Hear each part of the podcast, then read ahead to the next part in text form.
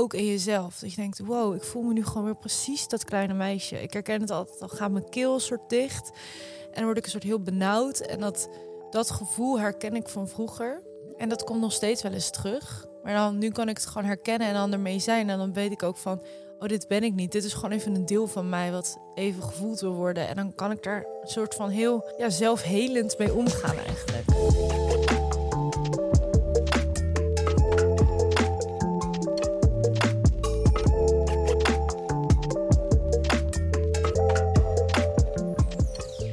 Welkom bij aflevering 39 van Barberio Podcast. Uh, vandaag heb ik de eer om uh, Jazzy Jazz Fuik te mogen ontvangen vanuit uh, Ibiza. overgevlogen, vliegt straks weer terug, maar even tijd gemaakt om bij mij in de podcast te komen. Dus ja, super fijn, dankjewel. Leuk dat je bent. Ja, jij bedankt. Leuk. Ja, ja. ik heb er zin in. Ik ook. Nou goed, voordat we beginnen, misschien even een kleine introductie voor de mensen die, die jou wellicht niet kennen. Het zijn in ieder geval 350.000 op Instagram die jou wel kennen. heel veel volgers, heel veel mensen ook echt, ja, die niet alleen maar volgen, maar ook echt betrokken zijn bij jouw processen. Mm. want jij bent um, eerder bekend geworden als ja, Miss Nederland, voor model. nou, het was op tv geweest. Expeditie Robinson. Uh, heb je meegedaan. Uh, Boxing with the Stars uh, gewonnen. Ja. Dus ik moet ook uitkijken wat ik zeg. Zo even geleden. En nou goed, in ieder geval ben je met veel dingen bezig. Waarbij ik het heel mooi vind, is wat jij, ehm, ja, wat jij doet voor vrouwen. Mm. Je deelt je eigen processen en dat vereist echt wel heel veel moed. Want ik heb ook best wel wat shit voorbij zien komen op jouw pagina. En die jij moet verdragen door uh, op te staan, eigenlijk voor jezelf en voor alle, ja, alle vrouwen die dat willen. Mm.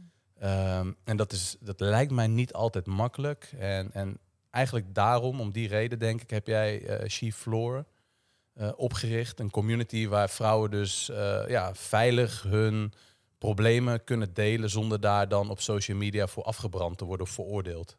Klopt dat een beetje? Ja, um, She Floor is vooral eigenlijk ontstaan uit mijn eigen proces. En dat ik me eigenlijk nooit helemaal thuis voelde in de wereld. Dus dat ik me altijd anders heb gevoeld. En, ehm, en toen belandde ik op het spirituele pad. En nadat ik dat een paar jaar zo aan het ontdekken was, toen dacht ik ook van. Wow, oké, niet iedereen is ook helemaal te vertrouwen. Dus het is ook niet helemaal veilig. En vooral als het gaat over ja, ehm, seksueel misbruik en dat soort dingen kom, belandde ik ook ineens bij mensen dat ik dacht van wow, dit, kan ook best wel een soort van gevaarlijke kant op gaan, maar ook dat het bijvoorbeeld heel spiritueel wordt en dat je jezelf daar helemaal in verliest, maar dat je dan eigenlijk het praktische toepassen en het belichamen uh, ja, kwijtraakt. En toen dacht ik van, ik wil echt iets zelf creëren waarin ik eigenlijk echt twee werelden met elkaar ga combineren. En ehm, ja, ik doe dat dus gewoon ook door heel veel van mezelf te delen. Omdat vaak in de herkenning denk je van, oh ja, als ik een voorbeeld geef over iets, denk je, oh, dat heb ik ook. Of, mhm. En dat, dat deel kwetsbaarheid, uh, ja, ik word er ook heel gelukkig van. Het geeft me heel veel voldoening of zo om uh, ook minder mooie kanten van mezelf te delen of zo.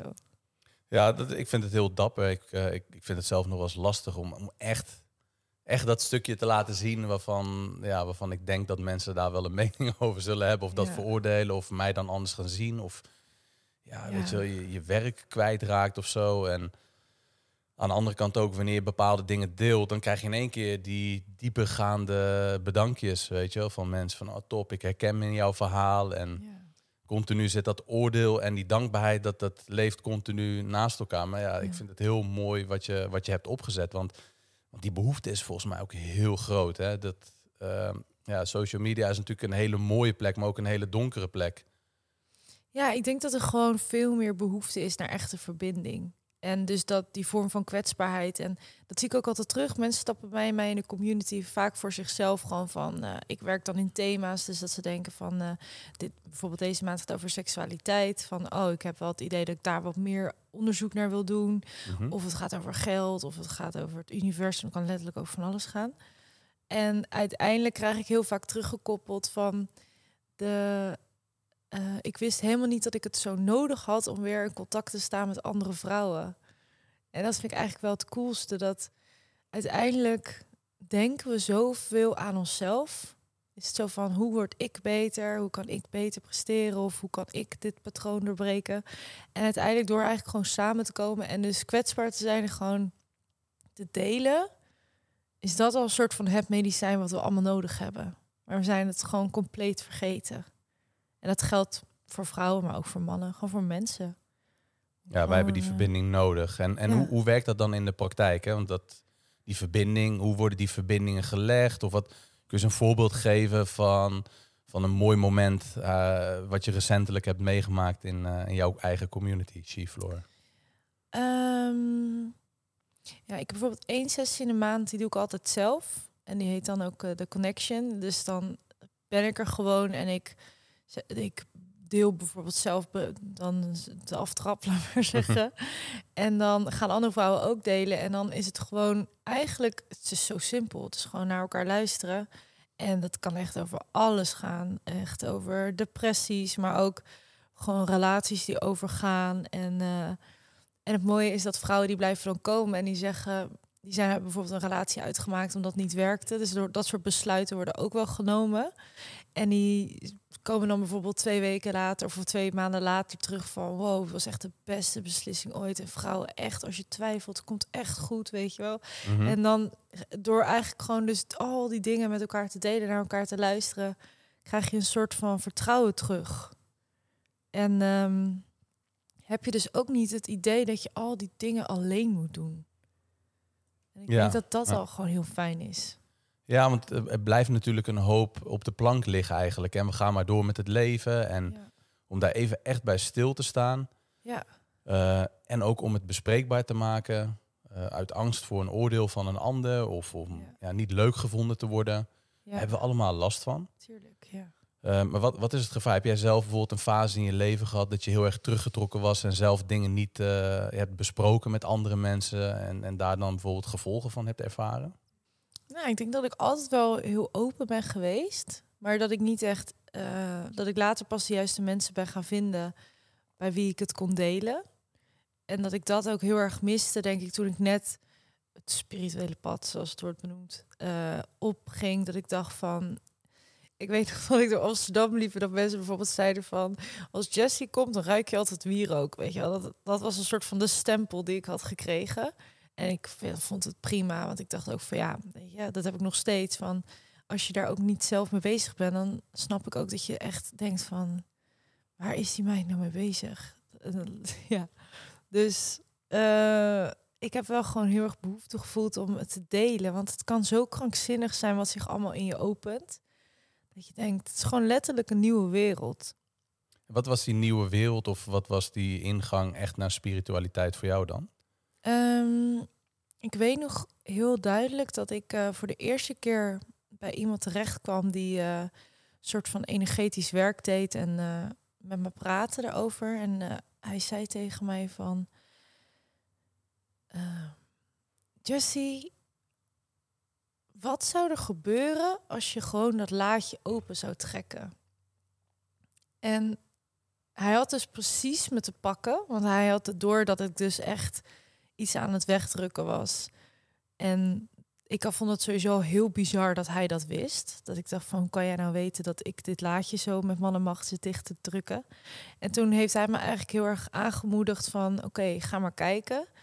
En ik was zo bang voor die emoties, omdat ik dacht, als ik dat doe, dan misschien ga ik wel dood of zo. Dat gevoel had ik echt. Ik was zo bang voor wat er los zou ging komen en of ik dan ooit nog wel dezelfde zou zijn en al die dingen.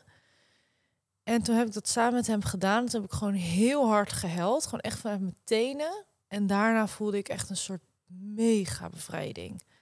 En toen, dat was gewoon voor mij echt zo'n eerst moment dat ik dacht, wow, waarom weet niemand dit? Waarom is iedereen zo bang om te voelen? Terwijl zo erg was het helemaal niet.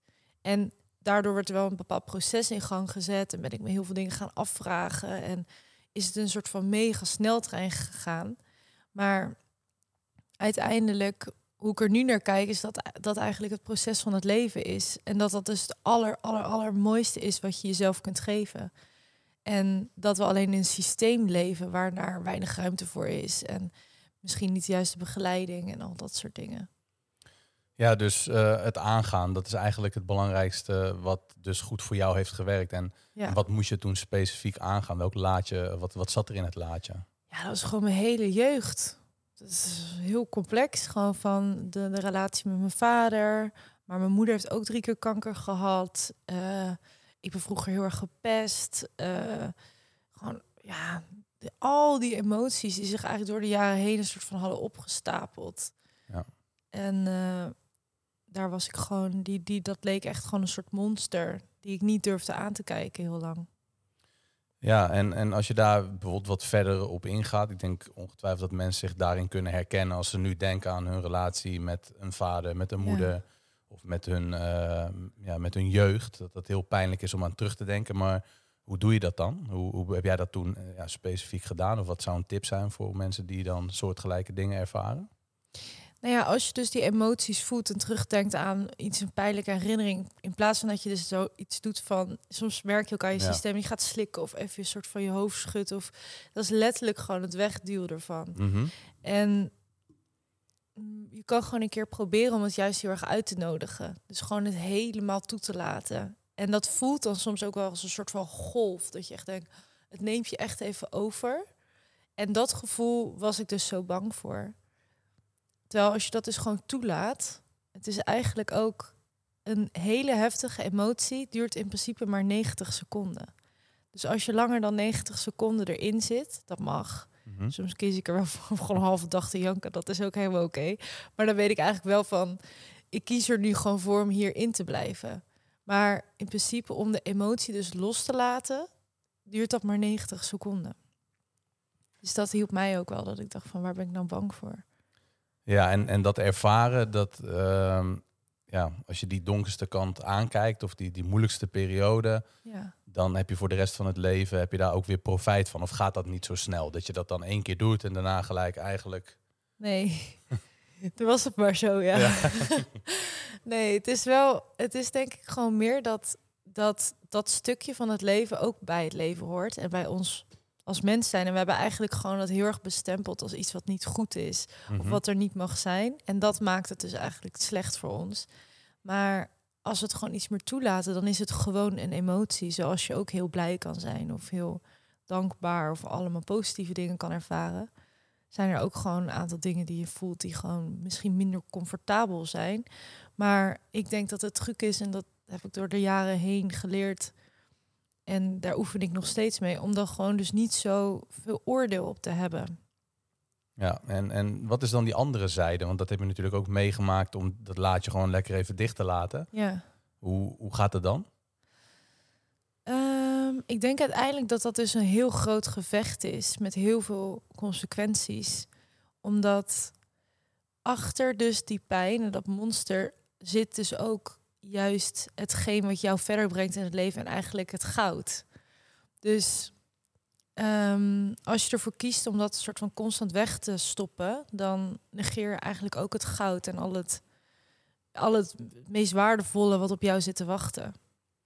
Dus je wordt ook altijd beloond als je die pijn aangaat. En als je dat dus niet doet, dan blijf je eigenlijk gewoon best wel op dezelfde plek. En dan schieten mensen vaak in slachtofferschap. Ehm, je zou ook zien dat het leven misschien wat minder juist met je gaat samenwerken. Want je wordt heel erg gepusht juist om die kant op te gaan. En dat zie je ook wel vaak bij bijvoorbeeld, om een voorbeeld te geven, als je bijvoorbeeld een slechte band met je vader hebt gehad als vrouw, dan ga je ook vaak mannen uitzoeken die net zoals je vader zijn. En vaak zeggen vrouwen dan van, ja, weer zo'n gozer en hoe kan dat nou? En eh, weet je wel, hoe, hoe zit dat? Nou ja, omdat je hem niet aankijkt. Het leven wil gewoon heel graag dat wij in die transformatie gaan. Ik denk echt dat het leven daarvoor bedoeld is. Dus je, het is zoveel makkelijker om het wel aan te gaan dan het te, te negeren eigenlijk. Ja, anders blijven de dingen vaak zoals dat ze zijn. En de problemen waar je tegenaan loopt, daar blijf je tegenaan lopen. En soms worden die zelfs groter. Ja, Ehm, en heb je dan bijvoorbeeld ook, eh, want jij bent dan nu gestopt met drinken, een, Ja. eh, een, een behoorlijke periode al. Of Ja. hoe lang is dat nu? in augustus ben ik een jaar eh, Ja. helemaal sober. En zwanger nu? En zwanger. Hoe ja. ver ben je nu? Ehm, even kijken, 20 weken. 20 weken. Dat is op de helft. Mooi. Ja. Ehm, ja, nou, mooi vooruitzicht sowieso. Maar even terugkomen nog op, op, op, op het niet aankijken. Uh, Merkte je bijvoorbeeld zelf ook, want jouw relatie met jouw vader was niet optimaal, om het even zo te zeggen. Ja. Ehm, zocht jij dan ook bijvoorbeeld mannen uit die uh, gelijkenis hadden met jouw vader? Ehm, of ja, verdoofde je jezelf doordat je dat stukje niet wilde aankijken om dan ja, die problemen die je dan ervaarde wat te verzachten? Hoe ging dat dan voor jou? Ja, ik heb zeker relaties gehad die heel erg op mijn vader leken. En ook vooral die dynamiek heel erg in mij losmaakte. Dus ik heb altijd heel veel moeite gehad met uh, pleasen. Mhm. En dat was ook heel erg iets wat ik met mijn vader heel erg had. Dat ik heel erg bang was om hem pijn te doen of iets te doen waar hij niet blij van zou worden. En dat was ook gewoon, ja, hij was best wel manipulatief daarin. En in de relatie zag ik dat ook weer terug, dat ik mezelf altijd heel klein maakte. En daardoor mannen uitkoos die, die ja, dat, dat, hoe zeg je dat?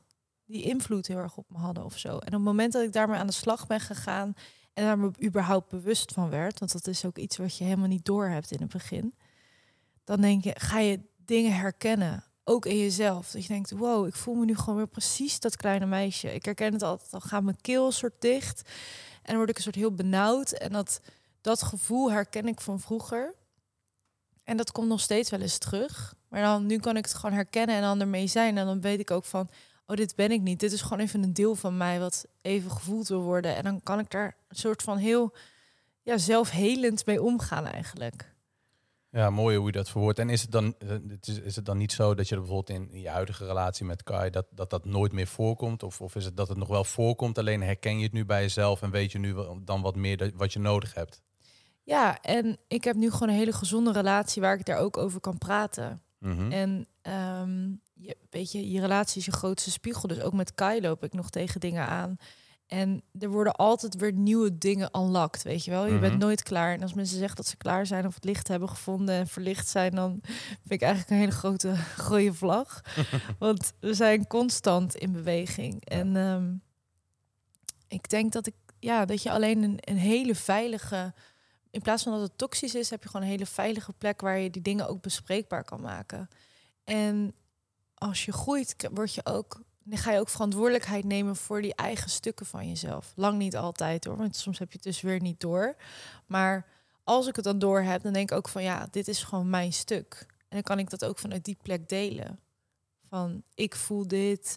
Als je dat doet, dan triggert dit, doet me daar aan denken. En dan kan je er gewoon, ja, eh, hoe zeg je dat? Ruimte voor maken met elkaar. Ja, veilig over praten met z'n tweeën zonder daarvoor veroordeeld te worden. Ja, precies. Ja. En waaraan voldoet een gezonde relatie? Je zegt ook van, nou goed, in het verleden heb ik dat, dat niet gehad, nu wel. Waar, waaraan zou een gezonde relatie moeten voldoen? Mooie vraag. Ehm,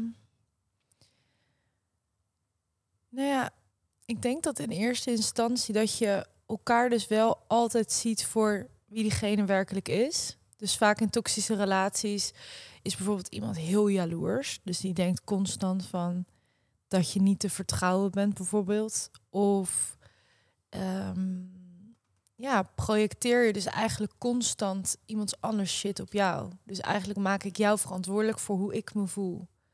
Als je die dynamieken terecht gaat komen, dan ehm, ja, heb je dus weer beide niet je eigen verantwoordelijkheid. En ik denk dat die daar voornamelijk in zit. Dat, dat het pas gezond kan worden als jij ook gewoon een gezonde relatie met jezelf hebt. Als je dan samenkomt, dan kan je elkaar ook gewoon zien, want je ziet jezelf. Als je jezelf niet ziet, kan je de ander ook niet zien. Dus het begint eigenlijk eerst bij jezelf. En als je dan iemand vindt die dat ook heeft, dan kan je gewoon dingen bespreekbaar maken vanuit liefde. En ik bedoel, dat is lang niet altijd. Ik kan hem af en toe ook wel schieten. En er zijn nog lang dingen waar ik ook gewoon aan moet werken. En hij net zo goed. Maar dan kom je vanuit een andere plek. Ehm, en wat, wat is dan ehm, het stukje wat er wel mag zijn, wat dan misschien niet zo gezond is? Hè? Want dat is dan heel erg goed van, oké, hoe moet het zijn? Ja. Maar wat, wat is dan in jouw optiek iets wat er, wat er wel mag zijn, wat niet per se gezond is? Nou, we hebben allemaal die dingen toch? Ik bedoel, als ik soms naar mijn eigen. Ik merk bijvoorbeeld dat ik nog steeds eh, moet werken aan mijn beeld van mannen. Mhm. Dus stel je voor, ehm, nou, ik kan nu wel een goed voorbeeld geven. We zijn dan bijvoorbeeld met het huis bezig en dat moet dan verhuurd worden. Mhm. En eh, allerlei dingen. En dan moest ik bijvoorbeeld veel dingen alleen doen.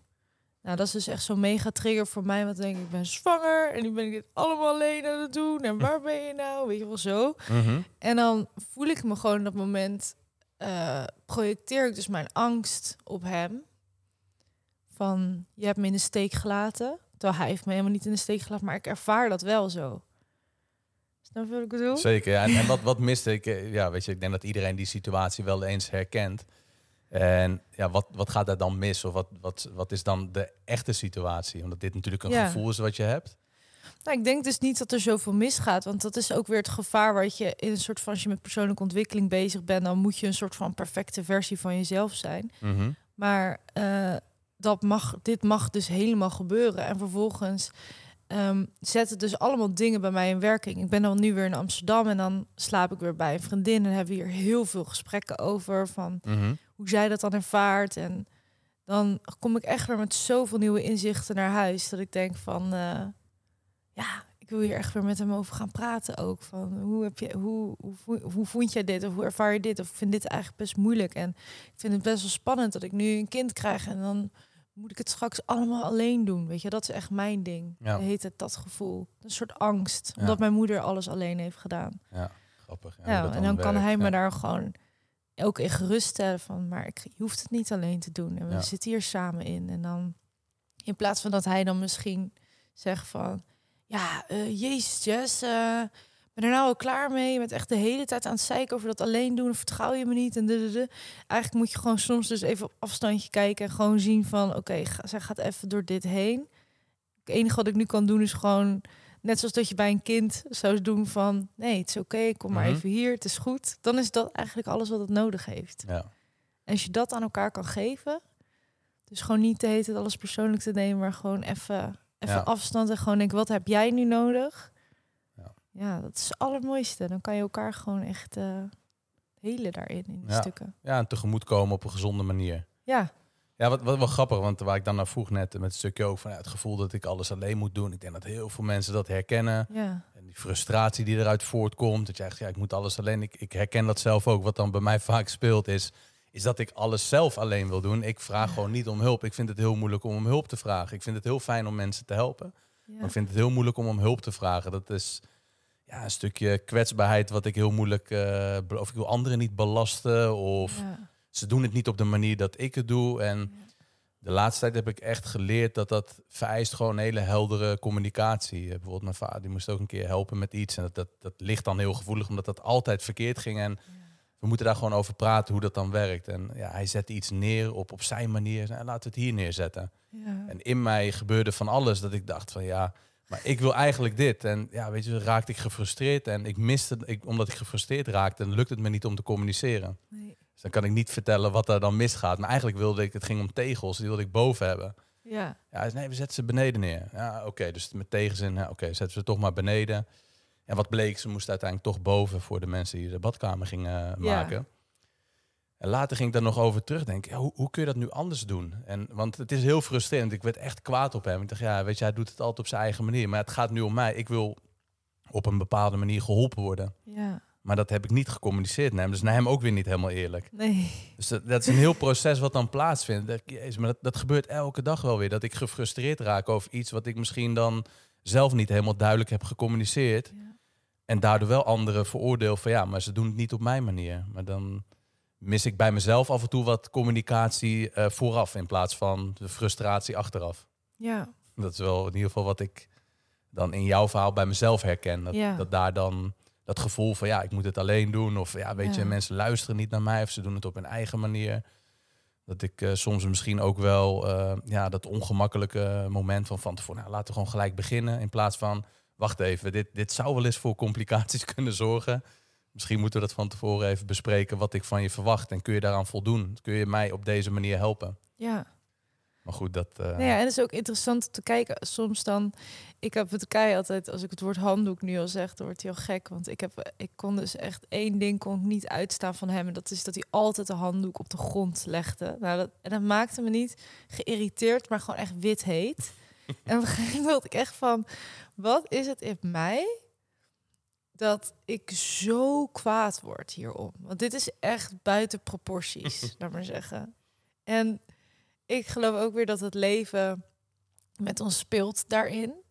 Dus dat, dat als die handdoek echt telkens daar weer ligt, dan is het niet. Dat is een soort van het leven die me probeert uit te nodigen van ga daar nou naar kijken. Ja. Dus ik word net zo ver gepusht totdat ik gewoon niet anders kan.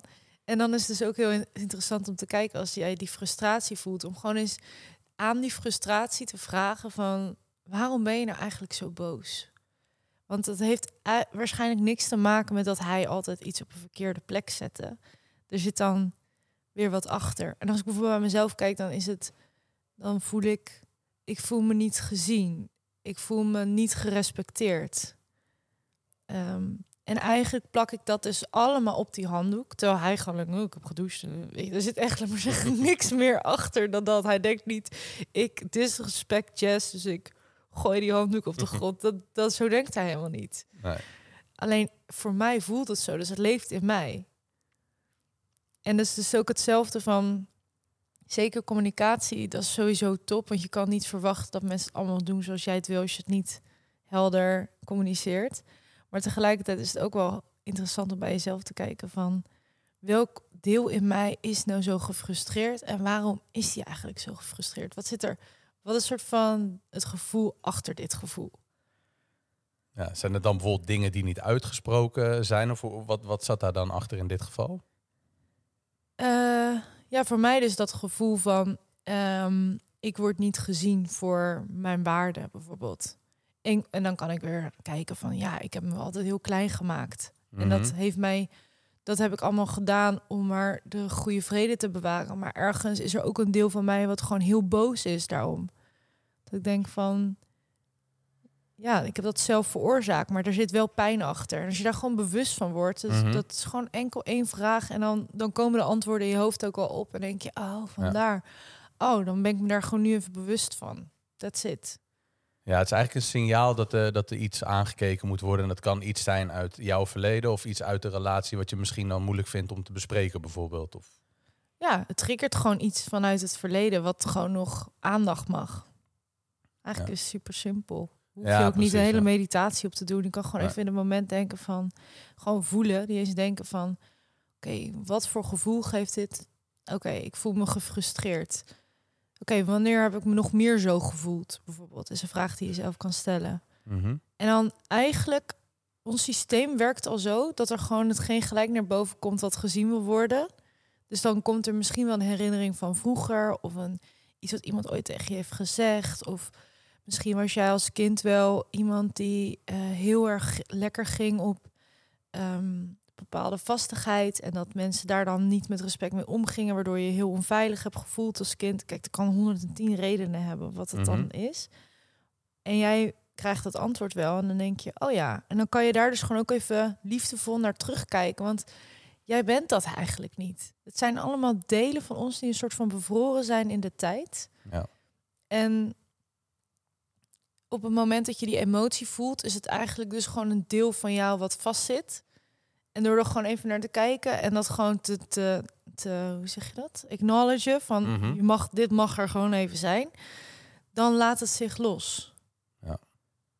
Ja, herkenbaar. Ik denk wel, het is, het- het- bij mij is dat een emotie die vaak ook is, is boosheid Ja, tot woede of weet je wel, of ongelijk of ja, dat dingen onterecht zijn of oneerlijk. Daar word ik heel boos van. ja. En voorheen veroordeelde ik mezelf dan ja, niet Ja. zo bewust. Nu gebeurt het eerst bewust en dan kun je het aanpassen. Maar dat ik in ieder geval dacht, van, ja, die boosheid, ja, ik ben echt een eh, boos persoon. En dan veroordeel je het, terwijl, ja, weet je, daar zit wel wat achter. Als kind kom je natuurlijk volgens mij best wel, nou ja, misschien niet helemaal als je kijkt naar al die familiesystemen en zo. Maar goed, even ervan uitgaan dat, dat kinderen gewoon een soort van met een schone lei op de wereld komen. In ieder geval qua gedrag en uiten van emoties. ja, En ergens worden ze natuurlijk veroordeeld voor als ze huilen, van nou ja, als ze stil zijn, dan krijgen ze een compliment. Of als ze boos worden, van nou dat mag niet, je wordt Ja. niet boos.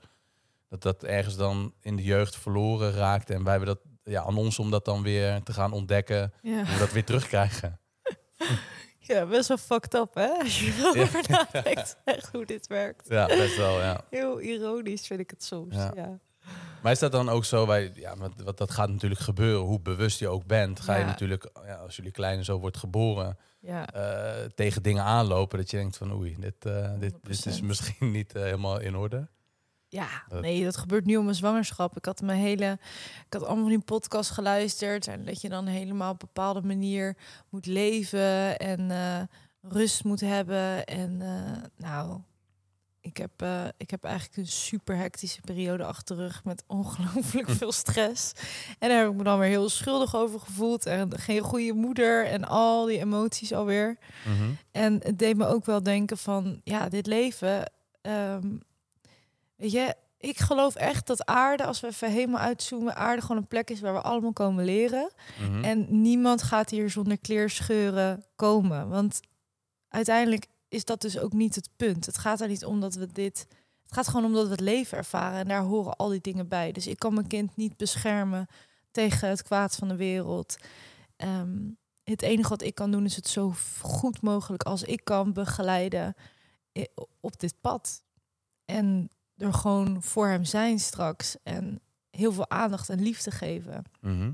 En ik ga zeker weten dingen doorgeven die ik liever niet had doorgegeven. En enige wat ik kan doen is bewust worden van mijn eigen patronen. En denken van, nou, dit weet ik nu. Ik kies er nu voor om dan dit aan te pakken, zodat mijn kind het niet hoeft te doen. Dat heb ik dus heel erg met alcohol gehad. Het is Mhm. echt zo'n ding in mijn hele familie. Opa's, oma's aan alle kanten. Zwaar verslaafd geweest altijd. En ik dacht op een gegeven moment wel echt van, oké, ik kan dus nu of gewoon hiermee doorkabbelen of nu dit echt stopzetten, zodat mijn kind dit niet, dat ik het niet over ga geven aan mijn kind. Ja. Nou, Ja, dat, ja. dat is het enige wat ik kan doen. Ja, ja, precies. Want, Maar er zijn eh, nog zat delen van mij die ik nog niet, niet eens bewust ben dat ik ze heb. En dat is ook oké, weet je wel. Het is geen wedstrijd. Nee, en helemaal ongeschonden. eh, Ja, weet je, als je je kind elke keer beschermt voor een val. Of ja, ik denk niet Ja. dat je je kinderen bewust eh, moet laten vallen. Maar Nee. dat is denk ik niet de bedoeling. Maar wel gewoon ja, die krasjes. En, en daar word je wel sterk van. En waarschijnlijk ook is dat de reden waarom jij nu op de plek bent waar je nu bent. Dus doordat je 100%. veel dingen hebt meegemaakt. En dat zeggen ze ook vaak. Dat het een soort springplank is voor de toekomst. Ja, dat je Ja. diep bent gegaan om uiteindelijk heel ver in het leven te komen. En soms zie je ook wel dat mensen die, ja, weet je, wat eh, meer ongeschonden leven hebben gehad, ook niet heel veel verder komen dan in dat. Ik weet niet of dat altijd zo is. Het hoeft niet altijd zo te zijn. Maar het is wel een enorme motivator om er wat van te maken. Ook al lukt dat niet iedereen. Nee. Maar het zou, ja, dat, dat zeg ik ook echt oprecht. Stel je voor dat je al die shit hebt meegemaakt in je verleden en het dan niks van maakt. Dat zou zo zonde zijn. Ja, exact. Ja. En het is ook gewoon zo leuk. Het is ook gewoon zo. Het, het geeft je leven ook zoveel meer gelaagdheid en, en diepte. En het hoeft ook niet te zijn van. Jij moet dit mega trauma hebben om een soort van daar te komen. Maar gewoon puur. Het zit hem ook in zulke kleine dingen. Wat je net beschrijft, wat je dan met je vader ervaart. Mhm. Weet je, in dat soort dingen ligt het al. Ja. En in plaats, als je daar dus gewoon bewust mee omgaat en gewoon gaat kijken en gewoon nieuwsgierig bent eigenlijk. Gewoon niet van ik wil dit fixen of dit moet veranderen, maar gewoon hey, interessant, dit popt erop. Wat wil dit me vertellen? Als je zo door het leven gaat, Dan ontvouwt zich er gewoon heel veel voor je. Er komen heel veel antwoorden, komt er heel veel helderheid, komt er veel meer visie, kom je veel dichterbij wie je werkelijk bent, waar je naartoe gaat, wat je te brengen hebt. En tegelijkertijd gepaard met al die antwoorden zit dus ook een stuk van ja, dat transformeren en transformatie is gewoon niet een goed boek op het strand lezen. Dat is gewoon echt hele rauwe, lelijke fases zijn Ja. het vaak. En als je in transformatie zit, heb je helemaal geen idee dat je het aan het doen bent. Dan denk je gewoon, wat een kutfase en alles gaat mis en ik Mhm. haat mijn leven. En dat is eigenlijk gewoon perfect. Ja. Dat hoef je dus ook niet te veranderen. Het mag ook soms even kut zijn. Ja. ja, en daarin wil je niet te veel blootgesteld worden aan al die inspira eh, hoe zeg het, inspirationele quotes. Dan heb je zoiets van, ja, bekijk het nu maar even. Ja, en je moet eigenlijk gewoon je, ja, je Ja. shit ervaren. Ja. Gewoon sterk blijven. Ja, Meer niet. Nee. Niet, eh, niet willen eh, groeien of bezig zijn met ontwikkeling op het moment dat je in een rotfase zit. Maar dan overleven meer. ja laat het gewoon maar even gebeuren allemaal. Ja. En erop vertrouwen dat die ja, moeilijke periode weer voorbij gaat. Gaat ook altijd weer voorbij. Ja. Ehm, ja, en, en ja, stoppen met alcohol is denk ik natuurlijk een eh, ja, heel belangrijk eh, moment of verandering geweest in jouw leven. En, en ja, wa- waarom ben je gestopt met het drinken van alcohol? Ehm, omdat ik merkte dat ik gewoon echt een probleem had. Dus Mhm. ik ging steeds meer snakken naar wijn eerder in de week. En het werd ook heel vermoeiend, omdat ik heel erg bezig was met ehm, wanneer ga ik drinken, met wie ga ik drinken, hoeveel ga ik drinken. En het was een soort van hele extra planning in mijn planning, onbewust. Ehm, ik had al echt al heel lang dat ik het wou veranderen. Mhm. Dat ik in ieder geval vond, ik drink te veel. En ik, ik ben echt gewoon in de weekenden was ik soms zo brak dat ik eh, ja, gewoon de echt bijvoorbeeld, ik had skilers gekocht om bij Kai als ik bij in Rotterdam was te gaan skileren. En ik heb die dingen gewoon nooit aangehad. Omdat ik iedere zaterdag gewoon te brak was om überhaupt gewoon erover na te denken om naar buiten te gaan. En ik vond het zo, ik ging zo van mezelf walgen dat ik dat aan het doen was. En ik wou het veranderen, maar ik merkte ook, ik, het lukt me gewoon niet. Nou, toen realiseerde van, eh, ik heb gewoon een probleem. Mhm. En toen heb ik eerst nog van alles geprobeerd. Dat ik dacht, oké, ik zet een wekker en dan moet ik stoppen. Ik ga andere mensen vragen of ze me eraan willen helpen herinneren. Mhm. Ik, eh, ik heb echt alles, alles, alles geprobeerd en niks lukte. En doordat ik alles had geprobeerd en niks lukte, besefte ik ook van... oké, misschien is het probleem nog wel groter als dat ik had gedacht. En dan is de enige optie of ik ga zo door. Maar ja, dan, dan word ik gewoon echt heel verdrietig. Dat, dan kon ik al helemaal mijn pad ook uitdenken.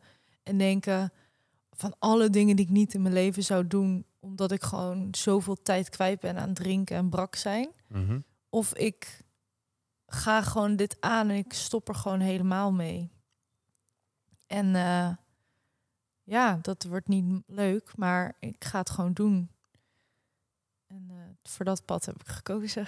Ja, knap hoor. En ehm, ja, hoe was dat dan in die periode? Merkte je dan echt dat jij eh, excessief eh, meer alcohol dronk dan bijvoorbeeld andere mensen? Hmm. Eh, of, of is het eigenlijk iets, want ja, waar, waar moet ik dan aan denken? Hoeveel glazen alcohol hebben we het dan over in het weekend? Twee, drie flessen wijn per weekend of, of echt veel meer? Het verschilde ook wel. Ik, ik denk dat heel veel mensen het ook wel heel goed voor zichzelf kunnen praten. Dat je denkt van, oh nee, maar dat valt wel mee. Ik denk ook niet dat het te maken heeft met hoeveel het is, maar meer hoe je relatie ermee is. Ik was wel echt een. Mijn glas was als eerste leeg. Ik, ik, als ik een restaurant inliep, dan wou ik eigenlijk al een fles wijn bestellen voordat ik überhaupt zat. Mhm. En ik kon eigenlijk pas ontspannen als ik wist, als ik dat eerste glas op had. Dus allemaal nu ik op terugkijken. En ik denk dat ook heel veel mensen dit zullen herkennen. Omdat het gewoon een heel verslavend middel is. Alleen Mhm. super geaccepteerd in onze samenleving. Ehm, ik kon heel goed drinken. Daar ben ik ook een hele lange tijd echt super trots op geweest. dat ik dacht, het was ook een deel van mijn imago. Ook omdat ik dus altijd mensen zeiden van, oh Jessie is zo lief en Jessie is dit. Was het ook wel zo van laten zien dat ik meer ben dan dat. Dat hing er ook heel erg aan voor mij. Ik kon eh, volwassen mensen, mannen gewoon onder de tafel drinken en dat was echt een soort van goede prestatie van mezelf. Ehm, ja, ik eh, laat ik het zo zeggen. Ik tuurlijk kon ik soms wel stoppen, ligt aan wat voor situatie ik was bij twee, drie wijn. Maar er was altijd liever iets nog wat doorging. En eh, ja, ik, dat, dat was wel een soort. Ik, ik heb ze niet altijd geteld, maar dat konden wel misschien wel twaalf wijn zijn op een avond. Dat is wel heel veel, maar Ja, het die, die hebben er zeker ja. tussen gezeten. Ja. Ja. Ja, en het gaat er meer om in eh, wat je zegt ook, dat een hele planning, dat het gewoon een eigen, eh, ja, Het neemt zich nou- gewoon over van Ja. je. Want hoe vervelend is het als ik dan afspreek van... oké, ik ga bijvoorbeeld één keer in de week mag ik drinken... en dat het dan iedere week niet lukt. Of dat ik zeg, ik mag drie glazen drinken en dat lukte ook nooit. Dat is Mhm. gewoon echt heel vervelend op een gegeven moment. Dan word je heel onzeker en daar, dat doet gewoon echt wat met je... Hoe je de manier hoe je naar jezelf kijkt. ja, je betrouwbaarheid komt natuurlijk in het geding. Exact. Dat is het. Als je dus ook tegen jezelf zegt, ja, ik sta, ik sta om zeven uur op, je staat om tien over zeven op. Ja, het heeft invloed op hoe, hoe je alles doet. Nou, zoals Ja. Tibor dat eh, ook Ja, zegt. Hoe je één ding doet, doe je alles. alles, ja. Maar hoe zit het dan met Kai? Want eh, de laatste podcast, volgens mij, ik weet niet of dat in maart was, die je hebt opgenomen, gaf je ook aan, Kai drinkt nog wel. En hij, hij vecht daar nog een beetje. Maar hij, hij is dan misschien wel die persoon die nu luistert, die nog steeds drinkt en elke keer denkt van ja, eh, shit, ik heb misschien toch te veel gedronken? Of, eh, of, of, of, heeft hij daar gewoon een goede grip op en valt dat reuze mee? Mm, Of misschien wil je dat Kijk, niet ik denk bespreken. uiteindelijk als ik gewoon naar Uber... Ik ken weinig mensen die normaal met alcohol kunnen omgaan. Ik heb Alcohol gaat om met ons. Ja, ja. Ik heb bijvoorbeeld een vriendin, zij, zij, zij zegt bijvoorbeeld, nou dat vind ik echt nog steeds onmogelijk van, nou of ik nou een wijntje of een theetje drink. Voor haar Mhm. is daar geen verschil in. Nou, dat, mijn hoofd snapt dat niet en die zou dat ook nooit begrijpen. Ehm, dus los van die mensen, ehm, die het dus oprecht niet uitmaakt, denk ik eh, dat er gewoon vooral heel veel mensen zijn die eh, ja, waar alcohol gewoon een onderdeel van het leven is geworden. En waar je op een gegeven moment met jezelf moet gaan kijken van in hoeverre ehm, word ik nog blij van dit leven. Ik denk dat er stiekem heel veel mensen zijn. En Kai die, die speelt er ook af en toe wel mee van. Ik heb wel bepaalde grenzen. En als ik die telkens overga. Hij wil bijvoorbeeld ook gewoon heel fit zijn. Ik, ik, ik zie ook als, als zijn vrouw ook echt heel erg van zijn potentie in weet je wat hij heeft gedaan met Special Forces en wat hij nu met de Unbreakable Academy gaat doen, dan denk ik, ja, dat ben jij echt, Ja, weet je ja. wel. En eh, ik motiveer hem daar heel erg in en ik moet dat ook niet te veel mijn ding op hem projecteren, want ik weet als geen ander dat stop met alcohol is een proces wat jij alleen kan doen. En als hij nog niet voelt van ik wil daar helemaal mee nokken, dan is dat ook voor mij helemaal oké. Ehm, Want dat werkt echt letterlijk nooit. Hè? Als een Nee. ander dat eh, van je verlangt, dan gaat het nooit werken. En als het überhaupt werkt, dan houdt dat, houdt dat niet lang stand. Nee. En ik denk dat hij daar dus helemaal zijn eigen weg in gaat vinden wat voor hem werkt. En daar vertrouw ik hem helemaal in. Ja. En eh, ja, en natuurlijk is dat soms moeilijk, omdat eh, je kan, ik kan niet meer echt levelen met mensen die drinken. Dus ook als hij drinkt, dan merk ik gewoon ook een beetje afstand nemen. Of dat ik denk van, nou, ga jij maar even gewoon lekker uitwaaien. En ik, ik hoef daar gewoon even niet zo'n onderdeel meer van te zijn. En dat vind ik wel soms wel lastig. Gewoon überhaupt nu, dat ik denk van... ehm, ja, je krijgt toch een ander leven en heel mooi. Ik zou het echt niet anders willen. En ik ben echt mijn dromen zo aan het waarmaken. En het, het geeft me zoveel terug. Maar ja, in bepaalde dingen kan ik gewoon niet meer meedoen of zo.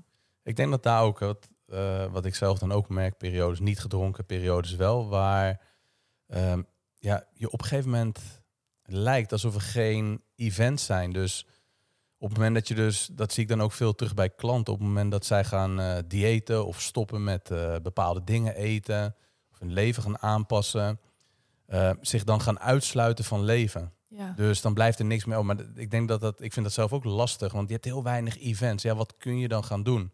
Hm. Eh, voorheen ging ik dan met vrienden bijvoorbeeld naar, naar voetbal. Ja, daar wordt ja. bijna altijd wel gedronken en dat hoort er een beetje bij. Dat kun je natuurlijk ook niet doen. Ja. Eh, maar toen zei ik ook laatst, weet je wat, we gaan een keer naar de sauna. Zei, "Hè, naar de sauna? Ja, laten we dat gaan doen. Ik weet ook gewoon dat, ja, ik ga daar in ieder geval niet drinken, omdat je dan helemaal uitgedroogd wordt. Maar zij nemen gewoon rustig een biertje. Maar de setting was wel anders en je moet echt heel bewust gewoon andere dingen gaan creëren die ook gezellig kunnen zijn. Maar het vereist bijna gewoon dat je echt letterlijk je oude leven moet opgeven. Maar dat, dat is dus niet zo. Hoe, hoe heb je dat dan vormgegeven uiteindelijk om dus toch een leuk en gezellig leven te hebben, maar dan zonder alcohol? Nou, ik denk dat je dus wel door zo'n fase van rouw gaat waar je dat ook heel erg voelt. Dat je echt denkt van, oh, ik mis het heel erg. En ik heb ook echt, gewoon echt wel gehuild. Ik weet nog dat een keer eh, Jacqueline had gebeld van, eh, die mij heel erg heeft geholpen in het proces. Omdat ik twee Spaanse mannetjes aan zo'n fles rood zag zitten. En dat kwam zo binnen. En ik dacht gewoon echt van, ik haat dit. Waarom doe ik dit gewoon echt? En dan zie je dus pas hoeveel die verslaving eigenlijk in je zit. En dat kwam helemaal zo naar boven. En dan daarna is het ook weer weg. En denk van, oh, ik ben echt blij dat ik het niet heb gedaan. En in die eerste fase raad ik ook iedereen aan om gewoon even helemaal een soort van te kluizenaren. En je gewoon even daar niet voor bloot te stellen. Jacqueline omschrijft het ook heel mooi. Die zegt altijd van, je bent eigenlijk gewoon een kreeft die gewoon zijn, zijn, harde schelp, een soort van huidje kwijt is. Dus je bent helemaal naakt en kwetsbaar. En blijf dan gewoon even onder die steen liggen en gun jezelf die tijd om gewoon even niet het heel moeilijk te maken om naar om te denken ik ga precies hetzelfde doen. Ik ga naar die kroeg alleen dan met een spa rood. Weet je wel, Mhm. blijf gewoon even lekker thuis. Want er komt een moment dat je dat je die ga je gewoon veranderen. En dan ga je gewoon voelen van, ik ga nu weer nieuwe dingen doen. En ik merk dat ik nu een heel leuk leven heb. En dat ik ook andere mensen heb aangetrokken. En dat ik eigenlijk gewoon zie waar ik heel goed op ga vanuit nature. En dat is dan, ik ga veel liever uitgebreid lunchen met iemand. En dan daar uren de tijd voor nemen. En dan één op één of met z'n drieën gewoon een klein clubje. In plaats van dat ik nog in de avond laat ehm, met mensen afspreek. En eerder deed ik dat altijd. Maar dan ging ik eigenlijk achteraf meer omdat ik wist dat ik ging drinken. Dan dat ik echt voor die gesprekken of voor die avond ging. En nu merk ik dus dat ik gewoon een heel natuurlijk ritme heb. En dat mijn lichaam ook gewoon heel erg aangeeft van oké, je bent nu moe. Nou, dan ga ik gewoon naar bed. En Ja. dan sta ik gewoon, ik word nu van mezelf, word ik gewoon bijna uiterlijk half zeven, word ik gewoon wakker. En de ochtenden zijn, daar leef ik voor. Ik, kan, ik, ik hou zo erg van de ochtend. Dat is gewoon één groot geluksmoment. Dus ook, je gaat ook alles veel intenser ervaren. Weet je wel, je kan echt gewoon. Dan loop ik hier in de gracht over Amsterdam en iedereen slaapt nog. En dan kan ik gewoon bijna huilen van geluk. En je krijgt dus eigenlijk, omdat je lichaam zich zo gaat herstellen en je hele dopamine systeem weer gewoon is zoals het werkelijk is, ga je dus gewoon ook het leven veel mooier en magischer ervaren. Waar je met alcohol natuurlijk die mega explosies aan dopamine hebt, waardoor je eigenlijk dat hele systeem kapot maakt. Dus je krijgt gewoon eigenlijk, dat is denk ik wel het allermooiste eraan, gewoon de magie van het leven weer terug. Ja, precies. Terwijl mensen die nu nog alcohol drinken, die zeggen, nou, ik wil niet stoppen, die ja, willen juist misschien niet die, die dingen aankijken na een drukke week van, ja, weet je, dat, dat gedoe en het gezeik, dat willen ze dan misschien met alcohol een beetje verdoven of verzachten. Ja. En ja, wat ze dan op hun pad krijgen, als je dus niet drinkt, ja, dingen worden dan een beetje, lijkt het saai, maar het is juist een, ja, weet je, je moet wel in actie komen. Je Kijk, moet al- er even doorheen. Het is gewoon, alcohol is gewoon een heerlijke quick fix. En ik, dat zei ik net ook al, ik, mis, ik mis het nog steeds. Mhm. Soms heb ik momenten. En nu ga ik ook opletten dan weer van wanneer mis ik het. Nou, dus inderdaad na zo'n week dat ik gewoon heel veel heb gewerkt, dat er heel veel op me afkomt, dat ik een soort van gevoel heb dat de hele wereld wat van me moet. En normaal gesproken was het dan niks lekkerder door gewoon te zeggen, fuck dit allemaal. En Mhm. ik ga nu aan de wijn en ik laat het allemaal voor wat het is.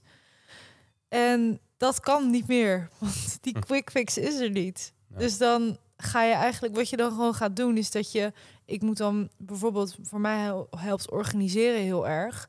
In plaats van ik ervoor wegren, dat ik gewoon ga kijken, oké, wat loopt er allemaal? Kan ik gewoon even een uur tijd nemen om even door mijn WhatsApp te gaan, even mijn mail te doen, gewoon even te organiseren, dat ik gewoon mijn hoofd weer chill heb.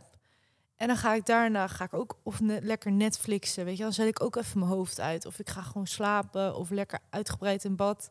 Alleen, ja, het werkt dus eigenlijk. ehm, realiseer je het of creëer je het tegenovergestelde met alcohol dan dat je eigenlijk wilt. En dat merk ik nu heel erg. Ik, ik ben mezelf, ben nu heel erg aan het doen wat ik moet doen, in plaats van aan het wegrennen voor wat ik moet doen. Ja, precies. En, en op het moment van alcohol drinken natuurlijk is de ontspanning eh, volledig aanwezig. Maar goed, de dag erna Ja. eh, is dat gevoel ga eigenlijk... je ook niet denken van, oh, ik pak nog even mijn laptop open, ik ga heel veel mijn dingen. Dan denk je gewoon, oh, Ja. ha- waarom heb ik dit gedaan? Dit is Ja. zo stom. Jessie had met jezelf afgesproken. Ga je helemaal daarin? Nou, dan ben je op een gegeven moment zondag.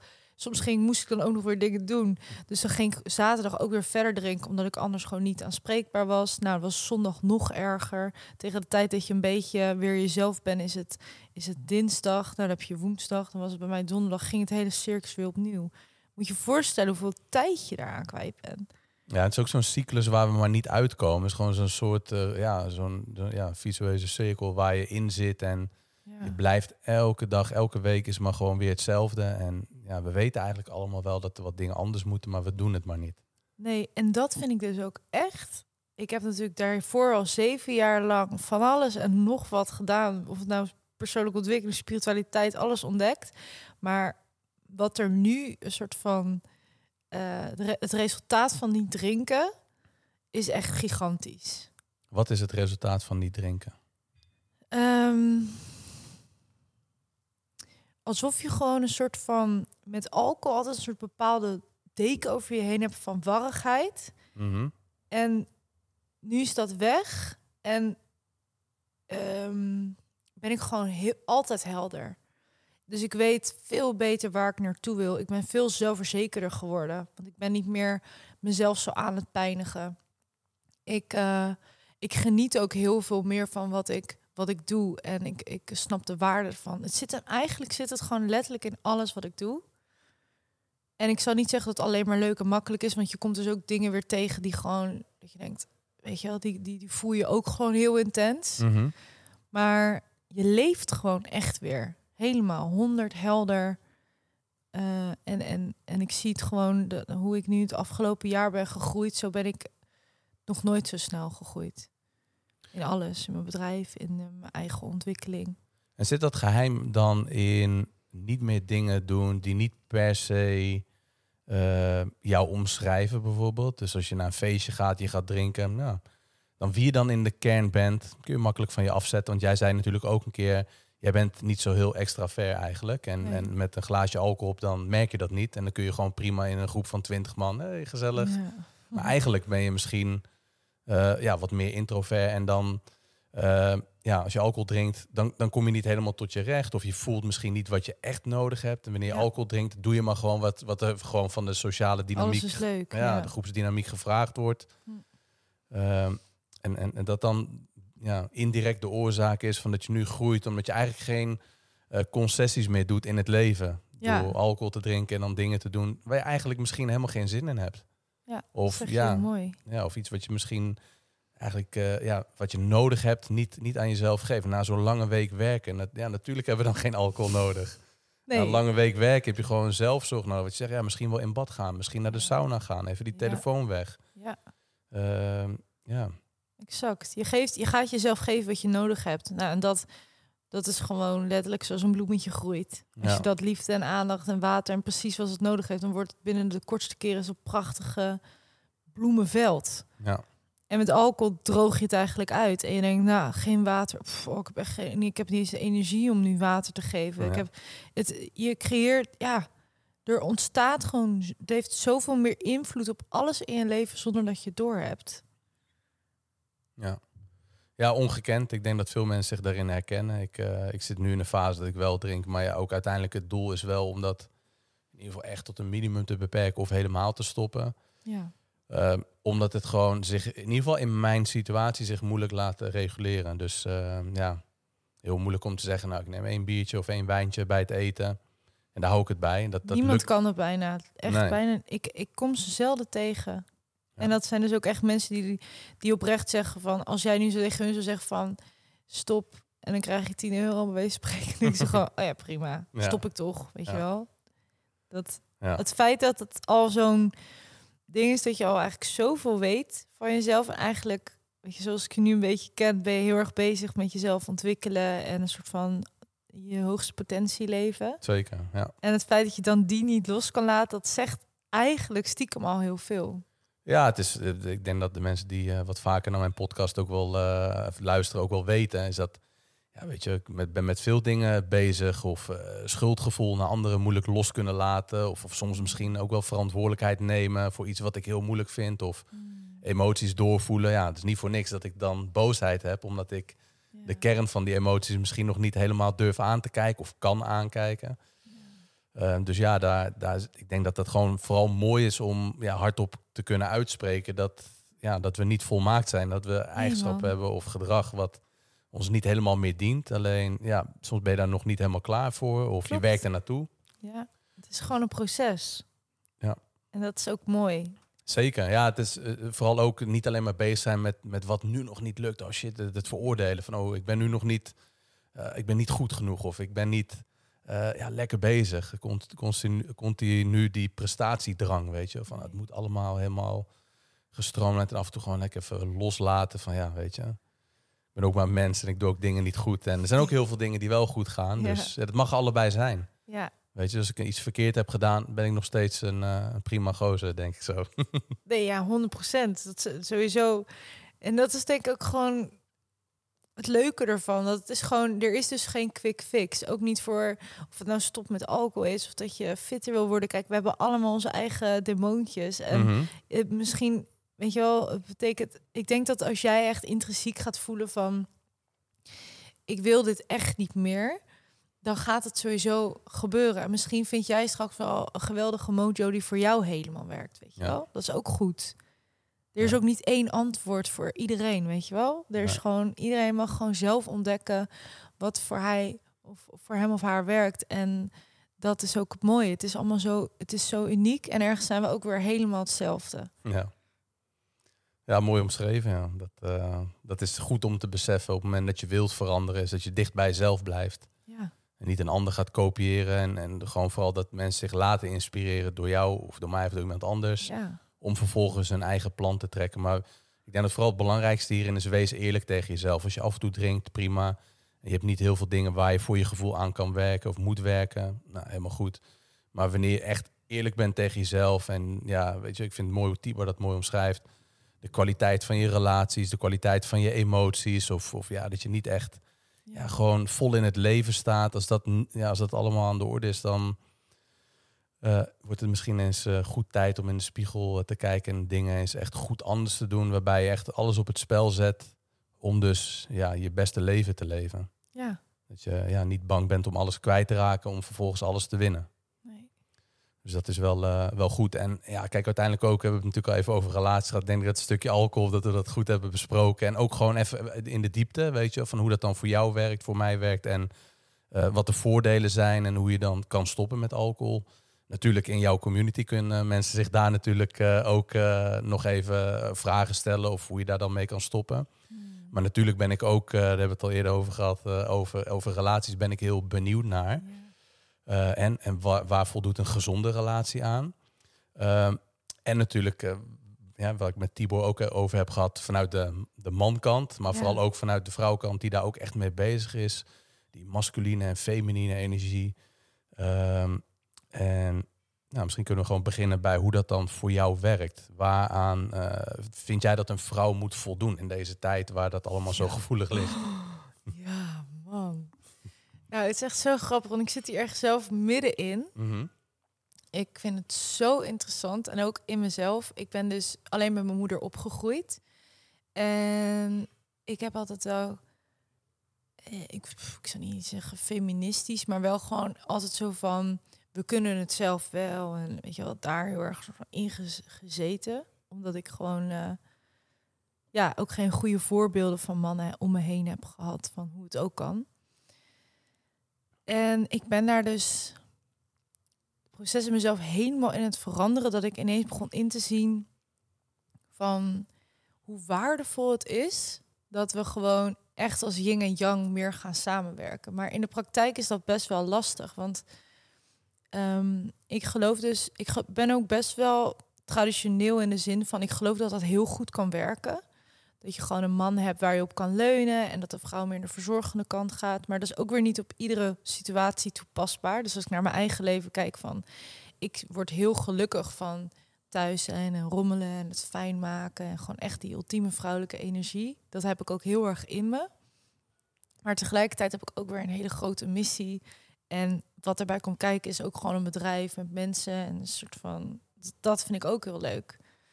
Dus om eigenlijk een eerlijk antwoord te geven, ben ik daar ook nog helemaal op een soort ontdekkingsreis van wat is dan een soort van de holy grail. Mhm. Voor de vrouw. Ja, en, en voor de man net zo goed. Want het is toch een bepaalde dynamiek. En ik zie wel mijn eigen relatie dat op het moment... Wat, wat ik dus zelf voelde, is dat er een deel in mij was... wat hem nooit helemaal vertrouwde. En daar was ik me dus ook niet bewust van. Maar op een gegeven moment dacht ik van... er is altijd iets in mij wat een soort van niet me overgeeft aan hem. Omdat ik bang ben dat hij me laat vallen. Of weet niet eens waar ik bang voor was. Het is gewoon zo... Dat heb ik gewoon gecreëerd. Omdat ik nooit een veilige man om me heen heb gehad. En nu is hij er. En ehm, ja, is dat best wel een proces geweest om me meer aan hem over te geven. En toen ik dat meer ging doen, zag ik ook dat hij helemaal opbloeide. En ehm, dat onze relatie gewoon nog veel mooier werd. Dus toen dacht ik, wow, dit werkt echt. Ja. dit, dit werkt echt. En ehm, nu ben ik ehm, ja, heel erg aan het onderzoeken van hoe kan ik iets uitspreken. Ik denk dat bijvoorbeeld heel veel vrouwen eh, heel belerend naar een man doen. Of bijvoorbeeld heel snel een soort van moeder-zoon dynamiek terechtkomen. nou, maak, maak je eigenlijk een klein jongetje van je man. In die positie kan hij ook nooit de man worden die jij wilt dat hij is. Dus dan moeten we dus weer bij, bij onszelf komen en kijken van... oké, wat kan ik veranderen? En eigenlijk weer het vertrouwen in hem hebben. En ik denk dat dat, eh, dat dat bijvoorbeeld al heel mooi is om als vrouw te kijken van ergens heel erg uitspreken wat je dus nodig hebt, maar niet op de manier van jij moet nu dit veranderen voor mij, want zo, maar eerder van vanuit echt je gevoel en vanuit je vrouwelijkheid, echt je onderbuik vertellen van ik merk dat als je dit doet, dat me gewoon heel verdrietig maakt. En dat ik, uh, dat ik helemaal op slot ga. En ik wil gewoon juist eigenlijk heel graag met je verbinden. En ik mis je daarin. En dat je gewoon veel meer vanuit dat gevoel praat. En dan kan hij jou ook zien in die pijn. En dan heb je dus weer een soort van. Kan hij ook denken, oh, dat ga ik anders doen. Maar ook bijvoorbeeld verwachtingen. Dat heb je ook heel erg in man-vrouw dynamiek van bijvoorbeeld die handdoek kan ik van hem verwachten dat hij dat altijd doet zoals ik dat wil? Nou, en dan heb ik letterlijk een keer aan hem gevraagd van... Kai, wat zijn de dingen die ik van jou kan verwachten? Kan ik dat verwachten of niet? En als jij gewoon nu eerlijk tegen me zegt van... Nou, Jess, ik kan gewoon niet beloven dat die handdoek daar nooit meer ligt. Dan kan ik me er nu ook gewoon bij neerleggen. In plaats van dat ik constant nu telkens weer zo wit heet word. En nu merk ik ook echt gewoon dat ik daar zo in ben gegroeid. Dat ik denk van... Oh, ik... Uh, ja, het, het stoort me niet meer zoals dat het me deed. En ik zie hem nu ook veel meer voor de man die hij werkelijk is. Dus dat is wel een mooie antwoord op ja, je vraag. Zeker, zeker. Ja, het is in ieder geval wel gewoon de, de dynamiek van een relatie. En misschien is het ook wel gewoon goed, zoals dat je nu zegt, is dat we niet zo uh, ja, krampachtig vasthouden aan termen en aan dingen die ergens aan moeten voldoen. Maar meer aan hoe we dingen communiceren en wat wij nu echt uh, verwachten van de ander wat wij nu echt nodig hebben. En dat goed communiceren, dan ben je al een heel eind. Ja, dat denk ik wel. Want iedere positie ook weer zo anders, weet je wel. Uh, dat had ik dus ook dat ik dan naar die, die traditionele manier kijk. En ik heb ook een, een stel hebben om ons heen. En ik keek altijd naar hun dacht van wauw. En zij is echt ultiem vrouw. En heeft helemaal een soort van prachtige moestuin. En Weet je, al die dingen. En dan kon ik daar echt naar kijken. En ik dacht van, oh, ik wil ook wel zo meer vrouw zijn. En dat probeer ik dan ook toe te passen. Maar tegelijkertijd heb ik ook gewoon een heel groot bedrijf ondertussen. En vooral, dat wil ik absoluut niet loslaten. Want dit kom ik ook brengen in de wereld. Um, maar stap ik bijvoorbeeld in mijn bedrijf ook weer op een totaal andere manier. Dat ik denk van waar ik eerder alleen maar werkte en, en dus dat deel helemaal niet meer kon zijn, omdat ik gewoon overwerkt was, werk ik nu bijvoorbeeld tot één uur en ben ik dus ook heel masculien eigenlijk aan het kijken naar hoe ga ik mijn tijd indelen en ehm, zodat ik ook weer in mijn vrouwelijke energie kan zitten. En ik denk dat we dat soms heel erg zwart-wit zien. Dus als je vrouwelijke energie bent, dan moet je een soort van alleen maar eh, zo doen, weet je wel. Maar dat is bullshit, want het gaat helemaal niet. Ik geloof wat ik mijn vrouw heel erg leer, is te zeggen van oké, we gaan eerst de kaders neerzetten waarin jij kan floreren en je vrouwelijk kan zijn. Maar zonder die kaders, ja, wat dan kan het nergens naartoe. Dat zegt Tibor ook altijd zo mooi. Dan heb je gewoon een soort van, dan heb je geen rivier. Dat is gewoon een plas met water. Ga je een soort van mooie kiezelstenen en een bedding maken, dan kan die energie stromen. Dan kan het ergens naartoe gaan. En, um, en dat is denk ik een stap die vrouwen nog heel erg hebben te zetten omdat we ergens, ehm, ik denk, heel erg gewend zijn. En dat is natuurlijk ook wel weer als je terug gaat kijken in onze geschiedenis, dat de mannen eigenlijk toch weer altijd alles bepaalden. Dat we helemaal zijn vergeten van wat wil ik eigenlijk. En dat we als vrouw toch degene zijn die ons vaak aanpassen. En um, dat is helemaal niet erg, maar ergens is er ook wel een punt dat je voor jezelf moet bepalen van wat heb ik überhaupt nodig om te functioneren. En dat ook dus helder communiceren. Dus ik zeg gewoon tegen Kai van, van 9 tot 1 ben ik gewoon niet beschikbaar. En daarna ben ik all yours. Nou, dan weet hij ook waar hij aan toe is. En ik ga dan gewoon naar mijn hoek. Kan ik gefocust mijn dingen doen? Kan ik daar helemaal in opgaan? En dan daarna kan ik lekker bloemetjes plukken en boodschappen doen. En er voor hem ook zijn. Ja, is het dan in de basis heel belangrijk ook? En vaak als dan ja, in, in de basis de relatie niet klopt, dat je dan ook heel moeilijk dus die uh, drie uur ochtends, als ik het of vier uur, uh, vier uur ochtends kan nemen. Als gewoon de basis klopt. Dus dat daar altijd wel gewoon bij begint. Ja, als in de basis je relatie niet klopt, dat je dan ja, sneller probeert ook. Ja, shit, we moeten het goed gaan, gaan Ja, maken in de ja. relatie. En, en daardoor kun je dus heel moeilijk ja, je eigen plek claimen. Omdat je continu bezig bent met, met ja, van oh, het gaat niet goed. En Ja.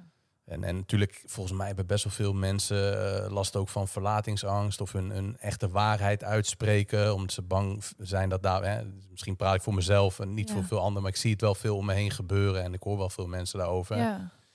Is dat we nou toch echt, als we echt zeggen wat we echt willen, Hmm. zou dan, zou dan nog steeds die relatie overeind zijn? Of eh, weet je wel, of, of, of spreken we überhaupt wel onze echte waarheid? Als we echt diep naar binnen kijken, richting onze ouders, richting vrienden, Mm. richting partner, op werk. eh, doen we dat echt wel? Of proberen we eigenlijk maar gewoon heel krampachtig de, de harmonie te bewaren, omdat dat een comfortabel gevoel is? Ja, nou, ik denk dat je dat heel mooi hebt gezien. Dat het, het is gewoon niet comfortabel om daar altijd eerlijk in te zijn. Maar ik denk, of in ieder geval als ik voor mezelf spreek, eh, de keren dat ik gewoon wel heel eerlijk ben geweest. En soms was ik ook bang voor de reactie die ik daarop zou krijgen.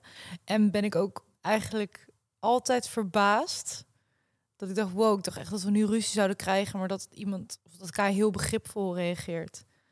Ja. ja, mooi is dat, want dat is vaak wel wat er gebeurt. Hè, dat we eh, iets niet uitspreken of bang zijn eh, ja, dat er dan een ruzie ontstaat. Of iemand wel zegt. Maar uiteindelijk dan als we het niet doen, gebeurt dat eh, juist. Krijg je juist ruzie of je juist gaat iemand bij je weg. Omdat het dan, het kan niet opgelost worden. En je frustreert je ook over het feit dat het niet lukt.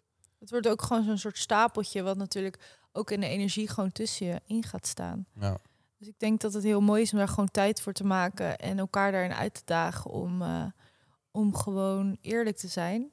En ook gewoon voor jezelf, dus gewoon na te gaan van wat heb jij nodig? ja. En, en hoe kan ik je daarbij helpen? En wat heb ik nodig? En als je dan elkaar daarin kan zien en eh, daar rekening mee kan houden, dan kom je in kan heel eind. Maar dan moet je dus eerst weer die eigen verantwoordelijkheid pakken. Ja. Ik kan niet verwachten dat Kai helemaal naar mijn wensen ehm, zich gedraagt. Als ik niet eerlijk heb gedeeld wat ik nodig heb. Want hij kan ook niet mijn hoofd kijken.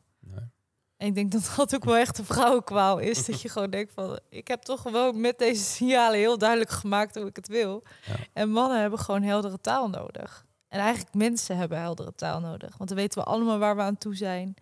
Alleen dat is weer spannend. En moet je voor Ja. jezelf gaan staan. Dus er zitten zoveel processen alleen al ja. daarin. En wat, wat was, ja, het is eh, ja, een hele mooie is bijna te snel voorbij. Maar je zegt ook, ja, mannen of mensen hebben hele heldere taal nodig. En daarvoor moet je denk ik eerst goed weten wat je zelf wilt. Hè. Wat, wat wil je zelf en wie ben ik echt? Waar sta ik voor? Wat heb ik nodig? Ja, echt wel heel praktisch dus ook gewoon. Ja, Letterlijk van, ik heb een week. Ik wil, ik weet bijvoorbeeld van mezelf, ik, eh, ik wil gewoon tijd alleen hebben. Ik wil, ik moet tijd hebben in de, voor mijn werk. Ik wil dus niet het idee hebben dat dat allemaal last minute moet of zo. Ik wil sporten. Ik, nou, en zo heeft Kai ook een lijst van dingen. Ja, Ieder mens. En dan ga, als je dat gewoon eens voor jezelf heel praktisch gaat indelen.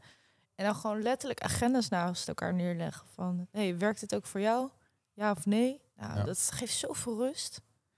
ja, mooi. Dus eh, ja, weten wie je bent, eh, weten wat je wilt en weten wat je grenzen zijn. En dat, dat in detail gewoon bespreken. Ja. Het is ook wel fijn als je elkaar dan nog steeds leuk vindt. Want dat is natuurlijk wel wie je bent. En, en misschien kun je elkaar daarin op sommige dingen ook wel ontmoeten. Ja, tuurlijk. Maar wat zijn voor jou echt, eh, of voor jullie, wat zijn echt moeilijke situaties geweest die jullie echt moesten overwinnen om de relatie te kunnen voortzetten? Of zijn er niet zulke echte dealbreakers geweest? Nee, nog niet. Nog niet. dat, ik bedoel, ik ben van plan mijn hele leven met deze man te blijven. Ja. Dus we gaan hoe dan ook dingen tegenkomen. Nee, ik heb nog niet met op het punt gestaan dat we echt elkaar... We hebben wel fases dat we elkaar even bieten en weer een soort van van elkaar afdwalen. En ehm, ja, dat zijn niet de meest leuk, maar we komen altijd wel weer hier. En wij kunnen van nature heel goed met elkaar praten. En we hebben ook een goede start gehad in die zin, zoals ik hem ook nog nooit eerder heb gehad. Want we hebben echt anderhalf jaar gedate. En eh, we waren allebei niet toe aan een relatie. En daardoor ehm, heb ik hem dus ook, hebben elkaar vooral heel erg leren kennen zoals we echt zijn. Dus de start is dan al zo van, weet je, ik, je hebt, als je soms heel verliefd wordt en je gaat na een paar maanden ga je helemaal samen, dan heb je eigenlijk alleen maar het allerleukste gedeelte gezien of zo. Mhm. En ik wist wel echt waar ik ja tegen zei. Eh, en hij ook bij mij. Dus dat zou ik op zich, stel het zou ook ooit uitgaan, zou ik dat denk ik wel, wel weer doen. Gewoon veel meer de tijd nemen om iemand echt te leren kennen voordat je met iemand in type springt. Ja, mooi. En ja, wat mij toch ook wel, eh, weet je, wat, dat vraag ik me altijd af. Ik, ja, ik ben er zelf een beetje wisselend in, maar hoe ga je dan bijvoorbeeld om? Jij gaat natuurlijk met veel mannen om en, en kan je met veel vrouwen, bijvoorbeeld Monica Ja. Geuze. Is dat, is dat wel eens lastig geweest in het begin? Eh, Dat kan ik me heel goed Mhm. voorstellen, maar hoe ga jij daarmee om of hoe is dat voor jou? Ja, ik ben dus echt gewoon niet jaloers. Gewoon nul. Dat vindt hij soms wel eens jammer. dat hij zegt van... Oh, dan zegt hij, heb je... Lopen door de stad, weet je hoeveel vrouwen er dan naar me kijken? Ik zeg, oh schatje, ik geloof het gelijk. ik heb gewoon... Hij vindt dat soms wel eens jammer dat ik gewoon niet echt jaloers ben. Ehm, nee, dus dat speelt niet in onze relatie. En van, van he- hem naar jou ook niet. Dus dat is hij is wel eerder, maar niet. eh, hij is niet jaloers. En ik geef hem ook geen reden toe. Eh, want ik heb best wel een soort van. eh, ik weet niet, mannen stapten, stapten ook nooit echt op mij af. Vaak. Omdat ik best een soort van natuurlijke. daar niet heel erg voor open sta. Mhm. Dus ik zeg, ja, hij heeft dus ook helemaal geen reden om jaloers te zijn of zo. Dus dat is, ik weet niet, het speelt gewoon niet echt in onze Mm, relatie. Nee, het is wel grappig, want het is natuurlijk een, een veel voorkomend thema, ook Ja. op social media, van oké, ja, mannen kunnen geen vrouwelijke vrienden hebben of andersom, want dat werkt Ja. niet. Er zit altijd wat achter. Nee, dat is echt niet zo. Mo en Kai, dat, dat zijn echt broer en zus. En eh, nee, ik word heel, heel blij van hun om hun samen te zien. En eh Mo is ook gewoon echt een goede vriendin van mij geworden. En eh, nee, ik, ik kan er echt alleen maar heel blij van worden dat hij gewoon iemand in zijn leven heeft waar hij zo mee kan lachen en mooie dingen mee kan bouwen. Ja, mooi is dat. En, En, zo spelen er nu, wij hebben ook gewoon onze dingen hoor, maar dat toevallig niet. Nee. Wat zijn nu dingen die spelen? Ehm, hmm. Nou, ik denk dan echt nog meer, meeste gewoon die persoonlijke processen dat ik bijvoorbeeld het spannend vind of ik dus niet dingen alleen moet doen. Mhm, ja. Dat ik dan denk van, eh, ik vind dat gewoon wel spannend. Dat ik denk, ja, leuk die traditionele man en ik snap wel dat je dat wil en ergens wil ik het zelf ook wel, maar wat houdt het dan precies in? En dus ik heb wel het idee dat ik nog iets moet beschermen of zo. En ik zie dat dat ook invloed heeft op onze relatie. Dus dat zijn eigenlijk veel diepere dingen dan jaloezie. En dat, dat ben ik dan gewoon heel bewust van aan het uitwerken van oké, waar komt dit dan vandaan en waar zit dan de middenweg? Ehm, wat kan ik hierin helen en wat is wel van jou? Hij heeft ook dingen die hij weer natuurlijk Ja. brengt. Is dat dan de zwangerschap die dat meer aan het licht brengt? Dat je dat stukje waar je hard aan hebt gewerkt voor jezelf, dat dat redelijk goed gaat? Van ik moet alles alleen doen, dat, dat gaat inmiddels wel. Ja. Maar zodra zometeen een, een zoontje geboren wordt, dan, dan komt dat weer even opnieuw omhoog. Of als er nog een stukje Ja. zit wat niet helemaal verwerkt is of opgelost. Ik heb gewoon van die angstige gedachten. Mhm. Dan, dan denk ik, "Oh, dan is straks die baby er. En dan zegt hij, oh, ik ga pedellen, ik ga dat doen. Terwijl dat doet hij helemaal niet. Dus het is echt helemaal van mij oprecht. Hij Ja. is nu ook, hij is alles thuis aan het cheffen. Ja. Dus het is ook, ik vind het dus ook best wel verdrietig voor hem soms dat ik hem daar nog zo op pak. Maar het is gewoon zo'n, ik kan het nog niet onder controle hebben, want ik voel dat wel zo. Ja. En dan bijvoorbeeld laatst was hij, we hadden we één dag samen in Amsterdam en dan zeg ik ook ja, eh, ik denk dat we gewoon echt een nanny van 9 tot 1 moeten hebben, want eh, zegt hij Jess, je schiet nu wel helemaal daarin, ga eerst maar dat kind baren en dan zien we daarna wel. Waarschijnlijk heb je nog helemaal geen zin in een nanny, maar dan denk ik, ik ben dan al nu al bang voor ehm, ga ik wel aan mezelf toekomen? Komt het niet allemaal straks bij mij omdat ik borstvoeding geef en Mhm, ik dit? ja. En dat is dan gewoon echt zo'n oud stuk wat dus voelt van ik moet het dus nu beschermen, anders dan wordt het van me afgepikt. Dat is zo'n soort gevoel. Ja, ik, ik vraag me wel eens af, ik weet niet of dat voor jou ook zo is, of wij niet verslaafd zijn aan bijvoorbeeld soms gedoe of negatieve gedachten, dat we dat van huis uit toch wel meegekregen. Ehm, dat dat gevoel wat je misschien dan ervaart, dat het ook weer voelt als comfortabel wanneer het helemaal rustig is. Dat je, ik, eh, ik weet niet, het gaat iets niet goed. Wat, het, is te, het is te harmonieus, het is te vredig. Het is, Ja, ik heb dat denk ik nooit. Ik heb altijd wel dat de dingen naast elkaar bewegen. Want ik- ja, ik ben gewoon ook heel gelukkig. Dus ik, eh, ik weet niet, ik heb denk ik nooit dat er helemaal niks speelt of zo. En eh, in mijn wereld is er altijd wel een soort van iets wat me opvalt. Of, Ja, waar je mee bezig bent. Of ja, ik vind dat ja. ook gewoon leuk. En ik, ja, dat is gewoon een beetje hoe ik werk of zo. Maar eh, ik vind, ja. Ja, ik weet niet of dat is. Of we daar verslaafd aan zijn. Ja, of gewoon, ja, of gewoon gewend. Vers- Verslaafd is best wel een negatief woord, maar het is Ja. toch ook wel... Met Kelly Wekers gepraat, die zegt ook... ons brein is gemaakt om ons te beschermen tegen onveilige situaties. Klopt. Ja. Als we te veel in ons hoofd gaan zitten, ja, dat, dat, dat spelen zich allemaal... Dat heb ik zelf ook scenario's af te denken. Daar kan ik echt een film van maken, met Ja. allemaal dingen die nooit uit gaan komen. Maar het gebeurt 90% van de tijd. Het is de angst die we hebben, die dan, die dan niet uitkomt. En Nee. de, de functie van ons brein wordt niet helemaal meer goed ingezet. De functie van ons brein neemt een beetje bezit van ons. Of Klopt. die speelt dan spelletjes met ons. Van, nou, zullen we even... een Maar zo kan je ook kijken, want bijvoorbeeld als ik dit over dat eigen stuk vertel, dat speelt zich ook af in mijn hoofd. Maar als ik er net over praat, voel ik het ook in mijn lijf. Dus dan is het gewoon ook interessant. Blijkbaar is het nu gewoon een stuk wat in me speelt. En daar kan ik dus ook gewoon, ehm, daar mag ik dan ruimte voor maken. Maar dat is dus denk ik het moeilijke aan dit allemaal. Hoeveel ruimte ga je het geven en wanneer is het ook genoeg genoeg? Ja, wat ik bedoel? Zeker. En wanneer je dus heel erg in je hoofd en heel erg erover na aan het denken bent, dan kan je het eigenlijk al loslaten. Maar ga eens in je lijf voelen. Ja. Want dan kan je hem gewoon. Misschien word je wel boos of komt er dus weer zo gedachte in de zin van een herinnering naar boven van mijn vader deed dit altijd en daar komt het vandaan. Dan kan ik daar weer. Snap je dan? Dan Ja. is het ook iets waar je mee in plaats van dat het zo'n terugkomend ding is, Mhm. pak je het op en kan je hem transformeren. En ik denk Ja. dat dat wel gewoon. Het omarmen eigenlijk eh, ja, van het gevoel. Ja, en, en waar ik dan ook misschien als man zijnde gelijk wat meer in de prak- praktijk ga denken is... Ja. Nou, stel je voor dat je er alleen voor, voor komt staan, om wat voor reden dan ook. Dat je dan altijd in staat bent om het een eh, goed vervolg te geven. 100%, daar twijfel ik ook echt niet over. Ja. Dat het dan, ja, dat dat dan soms ook een geruststellende gedachte is, maar Ja. ja, daar wil je dan niet aan denken. En soms is het ook gewoon fijn om gewoon even dat gevoel gewoon lekker te laten. En ja, Ja. En gewoon bespreekbaar te maken. Dat Ja. je gewoon zegt van, oh, ik vind dat echt wel eens moeilijk. Ja, ja. Ja. ja mag ook. Ja. zo gelukkig hebben we nog eh Dingen die moeilijk dingen, zijn, toch? ja. Ik bedoel, dat maakt dus ook weer de gelaagdheid erin. ja, en het zijn altijd dingen waar je wel aan blijft of moet blijven werken. We vaak toch wel in, in, in de basis dingen oplossen, maar toch echt die diepere laag, die blijft toch wel vaak bestaan. Ja. En die komt weer terug in moeilijke situaties. Ik kan me, ja, ik kan me niet voorstellen, maar of ja, in beeld dat zo'n zwangerschap toch ook wel weer wat meer dingen aan eh, de oppervlakte brengt. Zeker waar je dan eh, mee zit en toch misschien nog wat eh, aan wil doen of iets. Ja, het is heel bijzonder hoe ik merk het vooral met mijn moeder dat die dingen vertelde van vroeger toen ze zwanger was van mij. En bijvoorbeeld in haar zwangerschap had ze ook een event georganiseerd wat helemaal mis was gegaan, waardoor ze in de schulden kreeg en echt heel veel ellende.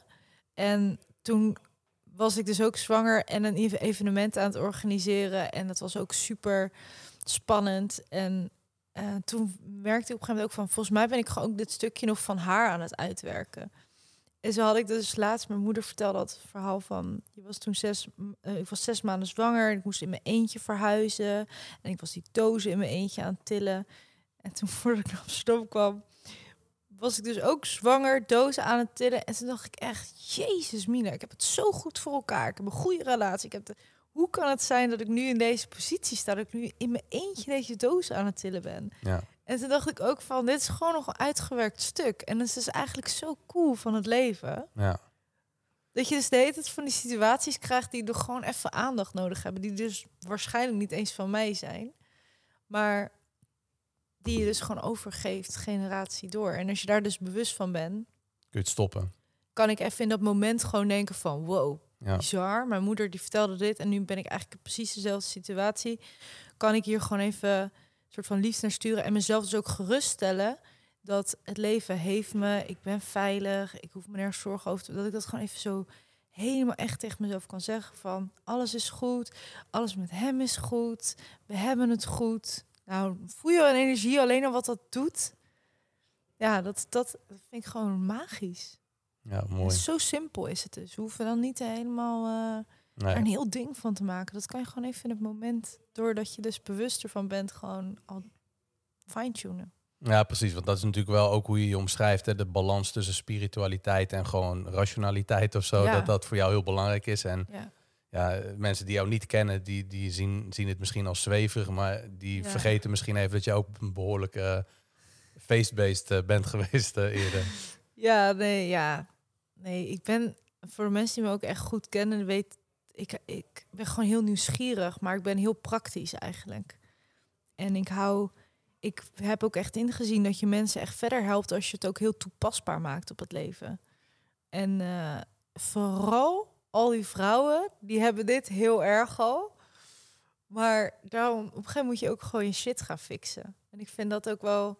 En dan, dan, dan Tibor, die kan dat ook heel mooi uitleggen van die reis die je aflegt. Soms heb je ook gewoon even die masculine drive nodig om gewoon het dus neer te zetten. En dan kan je daardoor meer in ontspanning gaan en meer je vrouwelijke energie toelaten. En voor mannen geldt dat net zo Ja. goed. Weet je, als mannen alleen maar soort van keihard gaan en enkel gefocust zijn op geld en doel en dit, dan ontstaat er ook een bepaalde leegte. Dat je op een gegeven moment denkt van jeetje, is dit het nou? En dan ga je ook afzakken en dan ga je ook allerlei dingen onderzoeken en ontdekken, waardoor je dichter bij jezelf komt. En als je dan weer omhoog gaat, dan heb je die balans pas.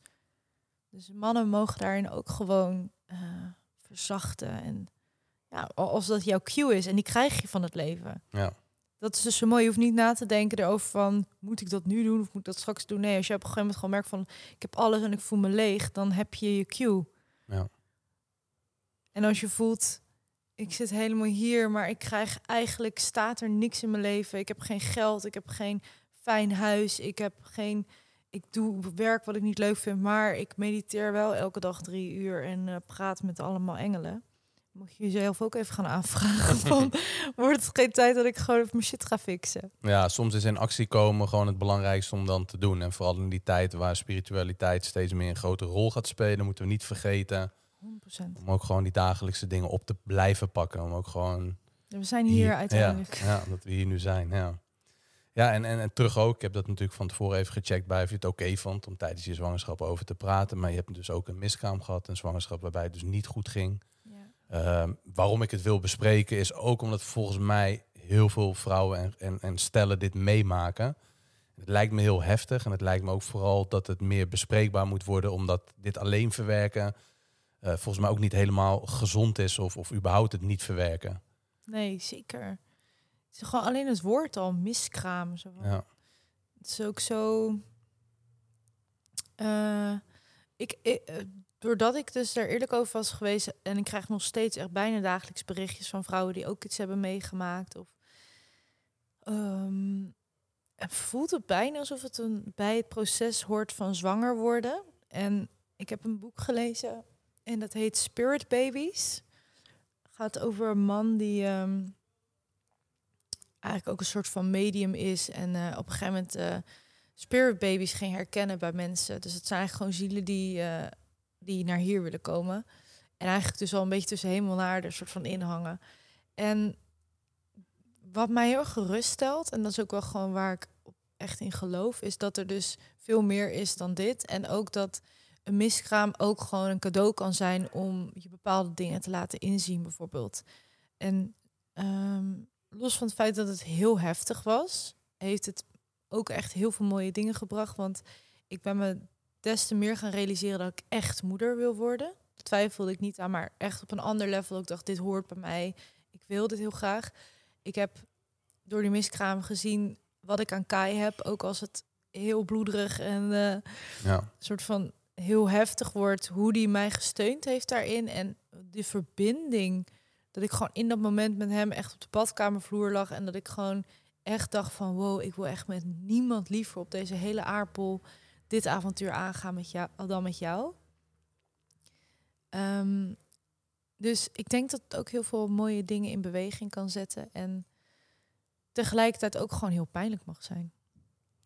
Ja, ja. ja dat, is, dat is gewoon goed om daar even bij stil te staan. Dat, dat het echt een, een best wel behoorlijk trauma is wat, eh, ja, wat je ervaart. En eh, ja, dat je dat niet zo even meer ja, van je afzet. En ik denk dat veel ja, vrouwen daar misschien wel mee kampen. Mannen die je echt wel een eh, heftige tijd van ervaren. En dat er Ja. niet echt een plek voor is. Want het, het lijkt me heel moeilijk om dat dan te bespreken. Want eigenlijk wil je het er niet over hebben misschien. Of ik weet niet wat, dat, eh, wat het dan zo moeilijk bespreekt. Maar ja, dat het natuurlijk heel pijnlijk is. Maar eh, kijk, bij iemand die overlijdt, heb je een begrafenis of een crematie. En je hebt de rouw, je hebt dagen van mensen die je troosten. En bij miskraam lijkt dat dan... Ja, of, is dat dan toch anders? Ik weet natuurlijk niet Ja, ik helemaal. zou echt iedereen aanraden om daar gewoon zelf een soort ceremonietje omheen te bouwen. Dat het gewoon, het is wel gewoon een verlies. En wel gewoon een, een- hoe klein het ook is, dat maakt helemaal niks uit. Je verliest wel echt wat. En ehm, ik denk dat het voor ons als mensen heel fijn werkt om gewoon daar even bij stil te staan en er even iets liefs mee te doen. Of even ehm, gewoon ook weer daar dus even ruimte voor te maken. In plaats van dat je gelijk rationeel gaat denken van oh ja, maar het was maar zes weken of whatever. Dat je gewoon denkt van nee, dit is gewoon mijn kindje wat ik ben verloren. En eh, eh, ik wil hier gewoon even helemaal bij stilstaan. En daar gewoon ruimte voor maken. Ja. En- En dat is dus sowieso, als je toch kijkt naar ons systeem, hoe we met dingen omgaan. Het is allemaal zo Ja, het is- rationeel, weet je wel. Van, Ja, maar het is voor ja, misschien op sommige momenten ook de enige manier, denk je, wat je net al zei ook, gewoon die, die pijn omarmen. En denken dat je doodgaat als je dat gevoel ervaart. Maar soms zijn bepaalde dingen op bepaalde momenten misschien net even iets te pijnlijk dat we het vanuit ons hoofd proberen te verklaren. ja, Om het maar niet in ons lichaam te hoeven voelen, omdat dat gewoon zo pijnlijk is op dat moment. ja, Als je mensen verliest of relaties worden beëindigd, dat het gewoon ondraaglijk is op dat moment. En dan, ja, dan gaan we maar een manier vinden wat dan misschien oké is als je maar op tijd weer terugschakelt naar in verbinding met jezelf staan en met je lichaam. tuurlijk. Ook daarin hoef je dus ook niet perfect te handelen. Weet je, als jij het gevoel hebt van nou, ik trek nu een fles wijn open en de groet allemaal. En dat is even wat je doet. Ja, Ja, prima, snap je. Maar ik denk gewoon meer dat, ehm, dat je gewoon ook daarin heel erg je eigen gevoel mag volgen. Want dit is ook weer voor ieder, iedereen anders. En dat je er gewoon over mag delen en alle tijd mag nemen die je even nodig hebt. En dat je het gewoon voor jou mag, goed mag afsluiten. En als jij voelt van, oh, ik wil wel de hele familie uitnodigen en we gaan gewoon met het vruchtje iets doen en daar een soort van echt een ritueeltje van maken. Dat je dan niet denkt van, oh, maar dan zullen ze vast mij raar vinden als ik dat doe. Weet je, dat moeten we gewoon skippen. Volg gewoon je gevoel daarin, wat voor jou goed voelt. En eh, stap er gewoon niet overheen als je voelt van ik wil, wil hier nog even mee zijn en praat erover. En eh, ja, ik vond het zelf heel helend om het te delen. Ik ben echt heel blij dat ik het, eh, dat ik het eh, heb gedeeld. Op Ja. socials ook. Gewoon ook om al gewoon ook te voelen dat, dat je er dus zo niet alleen in bent. Er is bijna, het is één op de drie, hè, die gewoon Wauw. één op de drie. Weet je hoeveel dat is? Ja, dus bijna iedereen maakt het wel een keer mee. Ja, Ja, ja heftig het hoor. is bijna onderdeel van zwanger worden. Ja, heftig. Ja, mooi dat je het deelt en daar dus veel mensen weer wat aan hebben. Zoals je eigenlijk ja, bijna jouw hele leven deelt. En dat vind ik heel, eh, ja, heel moedig, heel dapper. En eh, ik denk dat, dat mensen daar echt wel ja, veel dankbaarheid ook voor hebben. Toch die andere zijde, weet je, want dat zie je dan toch al voorbij komen ook. Eh, gisteren zag ik ook weer wat voorbij komen. Gewoon pagina's die bestaan, niet per se voor jou, maar gewoon pagina's die bestaan om alleen maar andere mensen belachelijk te maken of af te zeiken. Ik word daar heel boos om, dus ik probeer dat ook weer snel van me af te zetten. Maar misschien ook een tip voor mensen, of, of ja, weet je wel, als jij deelt, hoe ga je daar dan mee om? Je krijgt echt wel eens wat hele lelijke shit over je heen. En jij, jij maakt oprecht mensen hun leven beter. Je staat gewoon in het leven om mensen te helpen. Ja, Eh, ik denk dat niet iedereen altijd dat, eh dat doorheeft wat daarbij komt kijken. Want er zit ook gewoon een hele lelijke kant bij. Bij mensen die, ja, die, die daar gewoon een dagtaak aan hebben. Weet je? Dat is heel storend. Maar goed, het, het mooie vind ik dat jij gewoon overeind staat. En elke keer weer gewoon de moed verzamelt om dingen, persoonlijke stukjes te delen. ja. Wetende dat mensen daar wat van kunnen vinden. Hoe ga je daar dan mee om? Ja, nou, toevallig heb ik, zei ik gisteren nog tegen een vriendin van, eh, ik heb het, eh, vind nu, ik werk natuurlijk ook echt met mensen reageren en zo, dan weet ik altijd mezelf van, ik trek het nu gewoon even niet. En ik vind gewoon ook heel, ik ben ook heel slecht met onrecht. Ehm, dus ik trek dat lang niet altijd. Ehm, maar ik realiseer me ergens gewoon van eh, dat hoe meer ik ga staan, hoe meer mensen daar wat van vinden. En de mensen ook die er wat van vinden. Ik ben laatst ook in een podcast, alle podcast, maakt niet uit welke dat is, is mijn event echt helemaal belachelijk gemaakt. En was ik ook echt een gevaar en een secte en weet ik Mhm. het allemaal. Maar ergens als ik dan, tuurlijk doet dat me wel wat, omdat ik echt denk van, wow, je hebt echt geen idee überhaupt waar je het over hebt. Nee. Want je bent, er ook nooit bij geweest. Je hebt, je hebt gewoon werkelijk geen idee. En dat is tegelijkertijd ook weer iets wat me dan gerust stelt. Want ik denk de mensen die dat tegen me zeggen, die eh, zijn er niet bij. Die hebben geen idee wat voor impact is of hoeveel liefde er vanuit mij daar allemaal achter zit. Ja. Dus kijk, ik zou het erg vinden als, als je mensen die me goed kennen. Me wat een soort- vinden. Ja, dan Ja. zou ik echt gaan denken van fuck, ja, Ja. misschien eh, doe ik dit niet helemaal goed of zo. Maar vaak de reacties die ik krijg als mensen mij een secte noemen bijvoorbeeld. Ja, Ja. moet ik gewoon een beetje om lachen. Of ja, Jomanda, denk ik, jeetje. Zo makkelijk. Gewoon Ja, ja, ja. zet een vrouw op het podium neer in een jurk en het is gelijk een Jomanda. Dat, ik vind het ook gewoon heel simpel. Het is makkelijk scoren, wat ik dan vaak voorbij zie komen. Ja. Ze pakken bepaalde stukjes uit context halen, daarop scoren. Een beetje de, de Arjen eh Lubach, ja, dan spreek het maar hardop uit. Ja. Een beetje dat, dat ge- gedoe. En natuurlijk zijn er mensen die dat leuk vinden, maar het is vooral scoren door een ander belachelijk. Dat is niet mijn type humor. Ik vind dat zelf ook een beetje laag. Ja, Eh, en ook wel moeilijk om daar dan dat los te laten. Maar het is wel, het is wel wat veel gebeurt. Maar ja, ik denk dat het gewoon goed is om, eh, om ook uit te spreken en voor elkaar te staan op het moment dat dat gebeurt. Ik kan me voorstellen, want ja, jij ontvangt dat allemaal alleen. ja. en natuurlijk ook alle dankbare berichten. Maar ik kan me ook wel voorstellen op een gegeven moment dat je denkt, weet je, weet je dat, ja, dat het gewoon moeilijk is om overeind te blijven staan. Of om te denken van, nou, je, je- ja, je geeft gewoon eigenlijk ook eh, heel veel van jezelf aan andere mensen. En tuurlijk, ja, verdien je daar geld aan. Maar er zijn ook mensen die verdienen geld aan, eh, ja, aan andere dingen, weet je. Of die, waar, waar mensen Ik niet... vind het sowieso bijzonder. Ik denk, waarom mag je geen geld verdienen met iets wat heel veel bijdraagt? Waarom mag een soort van, als je bij de Shell zou werken en met een soort van hoge directeur, dan is het soort van normaal van, oh, die werkt bij de Shell, dus die woont in een villa. Dus ik denk van, Mhm. oké, als je de hele aarde leegrooft, bij spreken, Ja. dan is het normaal dat jij een soort van miljarden mag verdienen. Ja. Maar iemand die gewoon wat bijdraagt en, of, ja, Ja. het is gewoon, ja, bijzonder. En daar kan ik me ook aan irriteren. En tegelijkertijd, ehm, ja, denk ik dus dat we als we even iets uitzoomen, dat we gewoon allemaal spiegels zijn voor elkaar. En dat als jij in je kracht gaat staan en gaat doen eh, waar je echt gelukkig van wordt, dat dat alleen al is gewoon confronterend voor mensen om te zien. Ja. En ehm, zo heb ik dat in mijn eigen leven ook meegemaakt. Dat ik, eh, dit verhaal heb ik ook al vaker verteld, maar dat was voor mij echt zo'n omslagpunt dat ik zelf jaloezie ervaarde bij een vrouw die op pizza woonde in dat huis en alles. En dat ik daar echt zo voelde van, ugh, ik ben gewoon jaloers op haar. En dat ik toen dacht van, oké, maar misschien wil het universum of het leven mij wel gewoon laten zien dat dit bestaat. En op het moment, nu probeer ik altijd zo te denken. Dus ook daarin, ik vind dat wij als mensen gewoon allemaal wat meer eigen verantwoordelijkheid mogen pakken over onze eigen emoties. En eh, in plaats van dat je dan zo'n soort van over iedereen maar heen kotst die jou irriteert, eerder te kijken van oké, wat zegt het over mij dat dit mij zo raakt? Vaak een hoop. Ja, ik heb me laatst toevallig met een meisje die stuurde iets. Oh ja, ik krijg echt bijna tien vragen per dag over hoe ik mijn make-up doe. En dat vind ik best wel een soort van irritant soms. Want ik denk echt, boeien, wat voor mascara. Weet, ik Ja, ja. gebruik iedere maand een andere, weet je wel. Ja, Vind ik te vervelend dat dat dan zo soort van ja geen ding waar is. mensen dan naar kijken of zo. Maar toen dacht ik, weet je, ik ga het gewoon één keer nog opnemen en dan. Dan krijg ik eerst allemaal reacties. Je hebt, je hebt veel te veel make-up op. Je hebt het helemaal niet nodig. En dan denk ik, Ja, al, ja, ja.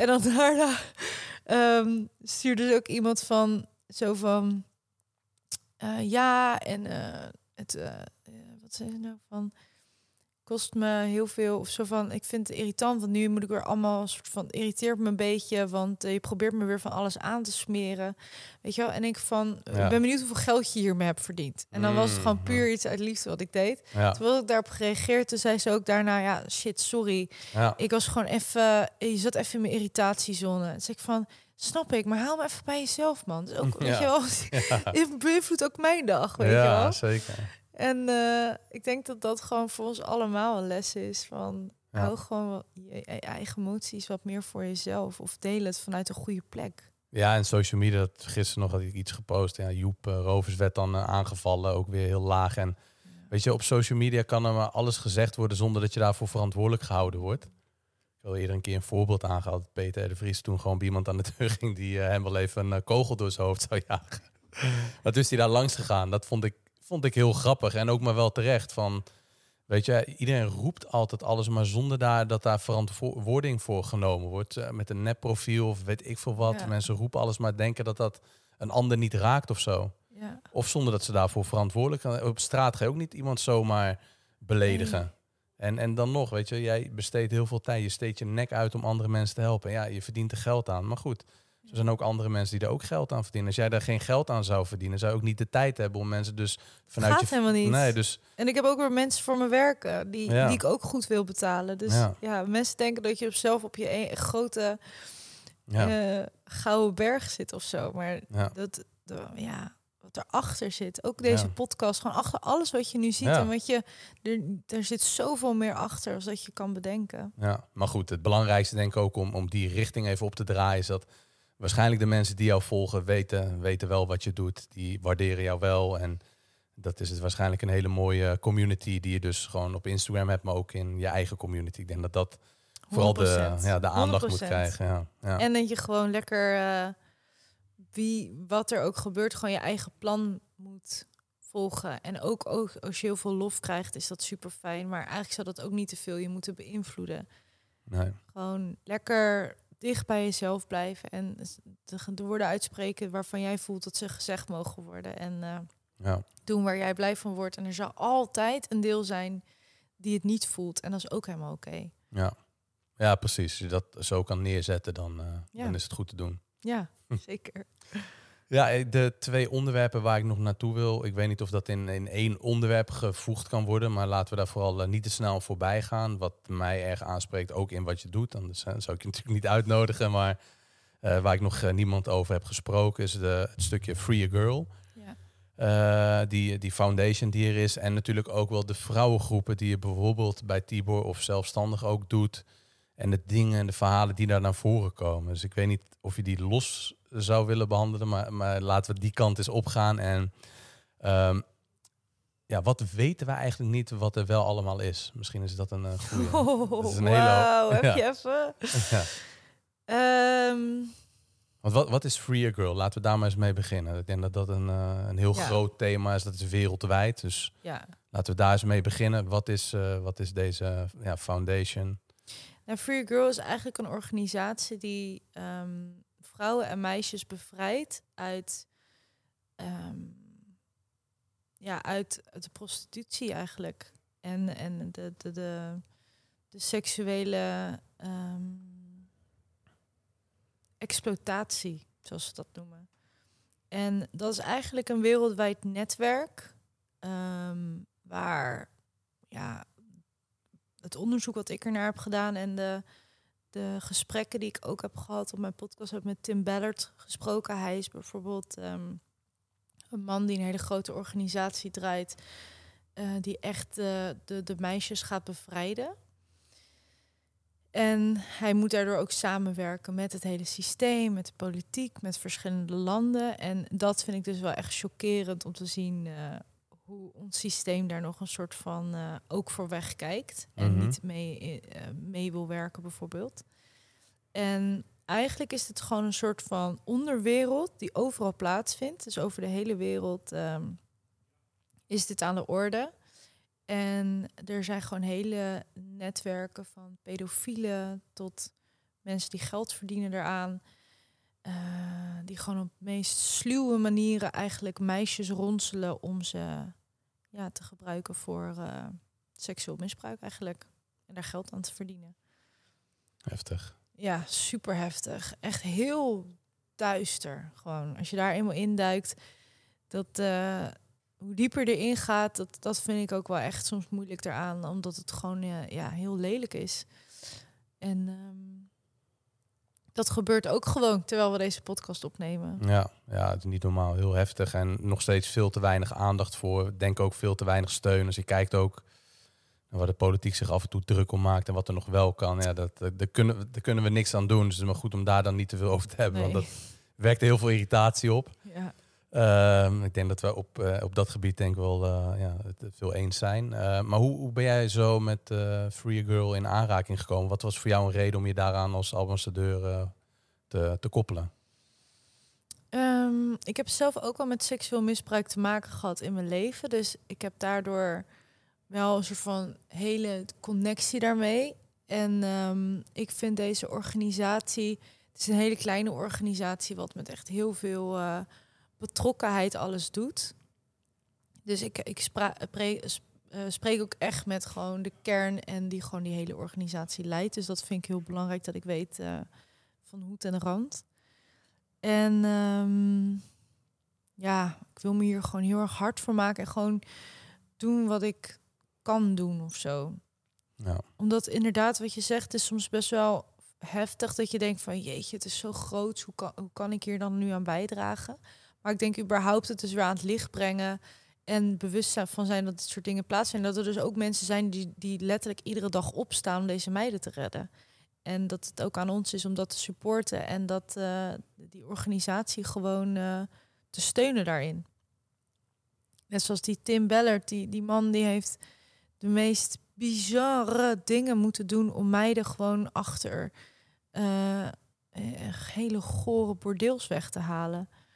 En gewoon van, van vechten tot sluwe trucs, tot zich voordoen, tot hij, dat hij wel met zo'n meisje eh, naar bed wil. Zo. Om maar gewoon allemaal manieren te zorgen om die meiden vrij te pleiten. En het meest afschuwelijke vind ik nog dat het, dat het, dat het nog best wel... Tuurlijk heeft het eh, heel veel invloed en geloof ik ook echt dat dit gaat veranderen. Maar hoe bijvoorbeeld als er nu een orkaan is... Dan wordt er gewoon ergens orphanage op een, op een leeg kantoor geplakt. Mensen brengen daar dus oprecht kinderen naartoe.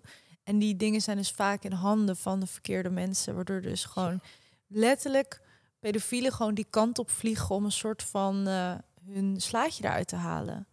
En dat die mensen gewoon niet opgepakt worden en dat daar nog geen, dat zo'n organisatie dan zo hard moet vechten daartegen. Dat vind ik echt, eh word ik soms moedeloos van, maar het zegt ook echt mijn vuur aan van kom op, weet je, mensen laten we gewoon ons ogen niet sluiten voor, voor het geweld wat er plaatsvindt en gewoon het ongelooflijke duistere. eh. Maar gewoon ook denken van het is er en het is afschuwelijk, maar wat kunnen we doen om dit te veranderen? Wat, en, eh, wat kunnen we doen om, om in ieder geval een bijdrage te leveren? Los van de donaties, maar wat kunnen we echt actief ook doen om... ja, goede vraag. Nou ja, eh, ik denk dat het beste wat we kunnen doen is gewoon deze organisatie steunen. Want zij, zi- eh, ik, ik heb ook echt geleerd hoe complex het is. Ja. Dus het zit helemaal verweven met allerlei regels van landen en politiek. En, en, en het is ook een soort van hosselen om maar dingen voor elkaar te krijgen en regels te veranderen. Dus uiteindelijk, dat zijn mensen die zich er heel hard voor maken. En ik vertrouw hun. Mhm. En ik vertrouw Tim Ballard. Ik weet even niet hoe zijn organisatie nu heet. Maar als je hem googelt, Tim Ballard, dan zie je het gelijk. Weet je wel, laten we gewoon deze mensen supporten en daar gewoon geld in stoppen. Want dat is ook wat ze gewoon nodig hebben om die mensen ook weer te betalen. En Ja. ja, ja dat. Is het zo dat, ehm, ja, als je nu kijkt, kijk, ja, jij wordt natuurlijk moeder van een zoontje, en het maakt in principe niet heel veel uit. Maar zijn er dingen bijvoorbeeld die voorkomen hadden kunnen worden in een bepaalde zin? Kijk, het is natuurlijk altijd heel, voor, eh, moet je dat heel voorzichtig zeggen van ja, weet je, dit had voorkomen kunnen worden, maar ehm, ja, wie, wie zijn dan de kwetsbare groep en hoe kunnen ouders die nu luisteren, of, of eventueel ja, jongeren als die überhaupt luisteren, ehm, zich daar een beetje tegen wapenen of op voorbereiden Ja. van oké, jij behoort toch wel tot de kwetsbare groep en is, is, is daar iets in dat je kan zeggen van oké, want je hebt natuurlijk ook met die, met die meidengroep van, eh, van Tibor natuurlijk die nieuwe lichting, de damesgroep, spreek je veel, dus Ja, Ehm, het gebeurt ontzettend veel. En het is helemaal niet bespreekbaar. Vaak wordt het natuurlijk een beetje eh, ja, weggeduwd van ja, nou goed, had je kunnen voorkomen. Dat is niet de kant die ik op wil. Maar meer in de zin van hoe ben je gewoon minder kwetsbaar? Dat, dat is het Ja. vooral. Of hoe kun je als ouder zijnde goed opletten van oké, eh, ja, Ja, ik denk dus ook gewoon het bespreekbaar maken dat dit gewoon eh, speelt. Met het hele Loverboys dingen. En dat je dus ook gewoon, eh, of in ieder geval als ik nu naar mezelf kijk, dat ik gewoon heel open wil zijn van. ehm, eh, ja, wat, er, wat er kan gebeuren. En daar niet angst op leggen, maar wel dat je daar bewust van bent. En ook een, samen iets creëren, dat je, dat je kind in ieder geval altijd met je kan praten. Ehm, vooral in je puberteit ben je natuurlijk super gevoelig, ook wel voor, voor foute dingen. En dan denk je, ben je misschien nieuwsgierig. En als je dan met je ouders erover kan praten, dat dat heel fijn is. En ik denk ook wel gewoon een stukje weerbaarheid. Kijk, we leven ook nog gewoon in een wereld waar dus dit al, ook allemaal plaatsvindt. Mhm. Ik zou het heel fijn vinden voor mijn kind dat het gewoon een weerbaar, sterk kind is. Ik heb dan zelf die, die wedstrijden gebokst bijvoorbeeld. Ja. Nou, om zo- zoon of jongen, ik, vind gewoon... Ik zou het heel fijn vinden als mijn kind gewoon een heel sterk kind wordt... die ook gewoon zichzelf daarin kan beschermen. Ja, precies. En dan heb je natuurlijk het fysieke stukje, maar ook door, door ja, misschien duidelijk eh, te communiceren. Of, of duidelijk, ja, kijk, in, in die, die zin ook. Kijk, ik denk niet dat, eh, dat mensen die eh, misbruik maken rekening houden met grenzen, maar wel Nee. dat, dat, ja, dat toch ook dieven of mensen die. eh, Nou, ja, Of gewoon ook een beetje dat je je intuïtie vertrouwt, weet je? Ja. Van, ga ook maar voelen, wat voelt goed, wat voelt niet goed. En als je dus ergens voelt van, oeh, ik moet daar niet naartoe, loop, ga er niet naartoe, loop er omheen, weet je wel? Of gewoon in, in die zin, onze intuïtie zegt al heel veel. En als kind moet je dat ook gewoon, als ouder ben je daar nog verantwoordelijk voor. En ik vind ook bijvoorbeeld als puber, mijn moeder heeft mij ook uit bepaalde situaties wel gered, waar misschien andere ouder dacht van, eh, nee joh, maar ze is oud genoeg, ze moet nu zelf die keuzes maken. Ben ik heel blij dat mijn moeder nog wel, geholpen heeft met bepaalde dingen bijvoorbeeld. ja, dat is, dat is nog wel een goede. Volgens mij, dat las ik laatst. Dat, dat is misschien wel waar ik naartoe wilde. Op social media zag ik een bericht. Die heb ik niet meer gezien. Volgens mij, wie was dat nou? Ehm, misschien wel die Patrick Bat David of zo. Dat hij dat zei, dat hij in ieder geval ook dat, een, eh, een, dat ze een, ja, een verkrachter of iemand die seksueel misbruik had gepleegd aan het woord hadden gelaten. Ja. En hij ging uitleggen waar hij op stelde. Ja, echt een, gewoon echt een naar bericht. Maar wel, er zit, een, er zit wel waardevolle informatie. Is dat je eh, dat, dat diegene zoekt dus op kinderen die dus een beetje aan hun lot eh, overgelaten worden. Een Ja. niet betrokken eh, vader of niet een sterke Ja. mannelijke krachten in, in huis. Dat daar dus misschien dat mijn vraag in het begin dat ik nog niet helemaal wist waar ik naartoe wilde, maar hij gaf wel echt, dacht ik, jeetje, dat bericht eh, dat zouden ouders echt moeten zien. Wees betrokken. Ja. En mijn vader belde ons vroeg echt elke avond met wie ben je, waar ben je. Ik werd er helemaal scheidsziek van. Maar Ja. dat geeft je wel een soort van bewustzijn van oké, hij, hij kijkt toch altijd mee. En weet je wel, en daar en natuurlijk deed wel eens nog genoeg eh, dingen verkeerd. Maar Ja, dat, Maar dat- hoort ook bij die fase. ja. En ik denk dat je dan als ouder ook erg dat je ook niet naïef bent en gewoon betrokken blijft van waar is mijn kind mee bezig. En eh, ja, en, en ook dus ingrijpt wanneer je het verkeerd ziet gaan. Ik heb Ja. bijvoorbeeld ook vriendjes gehad wat gewoon niet goed was. En toen heeft mijn moeder gewoon echt gezegd van dit is gewoon klaar met die jongen. En als ik nu terugkijk, denk ik, oh mijn god, dat is zo gelijk. Terwijl ik had echt helemaal van geen kwaad bewust. Dus Ehm, ja, ik, ik ben mijn moeder daar heel dankbaar voor dat ze dat altijd heeft gedaan. En dat Ja. ze me heeft geleerd over loverboys. En dat ik... Ja, ik heb zelf ook wel met narcisme te maken gehad. En al die manipulatieve spelletjes waar ik gewoon in ben getrapt. En dat is ook weer waardevol geweest. Maar ik heb wel een vangnet. Dus ik denk het beste wat je als ouder kan doen... is inderdaad betrokken zijn en veel met je kind veel vragen stellen van hey, hoe is dat voor je en Mhm. hoe voel je je als je met die persoon bent en bla bla om gewoon maar te peilen van en als jij zelf in jouw oer voelt van het is gewoon niet goed ja, en ook als je kind 23 bij spreken kan je ook gewoon zeggen van ja. oké ik neem het nu gewoon over want ik zie gewoon niet dat het helemaal misgaat bijvoorbeeld Ja, het is misschien een goede mix tussen eh, streng zijn en ook alles bespreekbaar houden. Dat is volgens mij ook gelijk de moeilijkste opgave. ja ja nee het is ook echt niet makkelijk lijkt me ook echt niet makkelijk Nee. maar eh, En bij die nieuwe lichting en bij die, bij die eh, ja, de sisterhood wordt het ook wel een beetje genoemd. Eh, wat, wat zijn dan een beetje de belangrijkste lessen die, die daar worden geleerd? Die misschien vanuit huis uit niet altijd worden geleerd. Nou ja, ik denk sowieso wel dat eh, het systeem ons gewoon nu niet alles leert. Dus op school niet. Dus eh, bij, bij de nieuwe lichting, maar ook in Chifloor gaat het gewoon heel erg over dus voelen, leren voelen. Dat hebben we allemaal niet geleerd, denk ik. Wat je zelf ook al vertelde van dat je niet boos mag zijn Mhm. of whatever. Zeker. Dus ja. gewoon ruimte maken voor die processen. Ehm, ook gewoon wel een bepaald bewustzijn krijgen over de wereld en waar we nu in zitten met elkaar. Ehm, dat je dus eigenlijk verantwoordelijkheid moet nemen over je leven. Ik denk dat dat wel bijna ook echt de kern is van een nieuwe lichting. Mhm. Van, eh, weet je, je, jij bent degene die dit gaat creëren. Wat wil je creëren? Waar wil je naartoe? Wat heb je daarvoor nodig? Wat is je competentie? Gewoon eigenlijk ook weer heel erg die masculine kaders. Ja. En tegelijkertijd, mijn rol daarin is dus ook weer echt niet nieuwe licht, maar ik heb ook met de eenheid en binnen Chifloor eh ben ik heel erg bezig met eh, ook wel mensen openen voor dat waar we nog meer onderdeel van zijn. Dus voor mij is het heel erg allebei. Ja. En eh, als je eenmaal die ervaring hebt dat je bijvoorbeeld echt niet alleen bent en dat je gegidst wordt in het leven en je voelt dat echt. Ja. Je hebt dat een keer zelf ervaren, je hebt het niet gehoord, je hebt het gewoon zelf gevoeld. Dan kan je dus ook veel meer ontspannen en erachter leunen en voelen van ik word gedragen. Ik ben hier op een pad waar ik leer en waar ik gewoon mezelf constant aan het, eh, aan het groeien ben. En dit is, het is helemaal oké zoals het nu is. Ja. En nogmaals, ook woord wat ik nu uitspreek, dat doet niet eens, komt niet eens in de buurt van als je zo'n ervaring hebt. Maar ja, ik gun iedereen dat. Ja. En dat gepaard met verantwoordelijkheid nemen. Voor jezelf, voor je eigen emoties, voor als je hulp nodig hebt. Het zit hem echt letterlijk in alles. Ja. ja, het is mooi dat er een plek is waar dus verbinding gecreëerd kan worden, waar je alles kan bespreken. Ja. Eh, ervaringen gedeeld kunnen worden, wat ook al heel veel opluchting kan geven en hulp kan bieden. Ja. En voor sommige dingen zijn zelfs oplossingen. Ehm, en als ze er dan nog niet zijn, komen ze vanzelf als je maar volhoudt en vertrouwt op je eigen kracht en, en verantwoording blijft nemen. Ja. Voor zowel het gevoel wat je ervaart of moet hebben, eh, zoals voor, voor het vertrouwen hebben in de toekomst. Ja, Mooi, ja. mooi. Dus het- zeg je mooi. ja.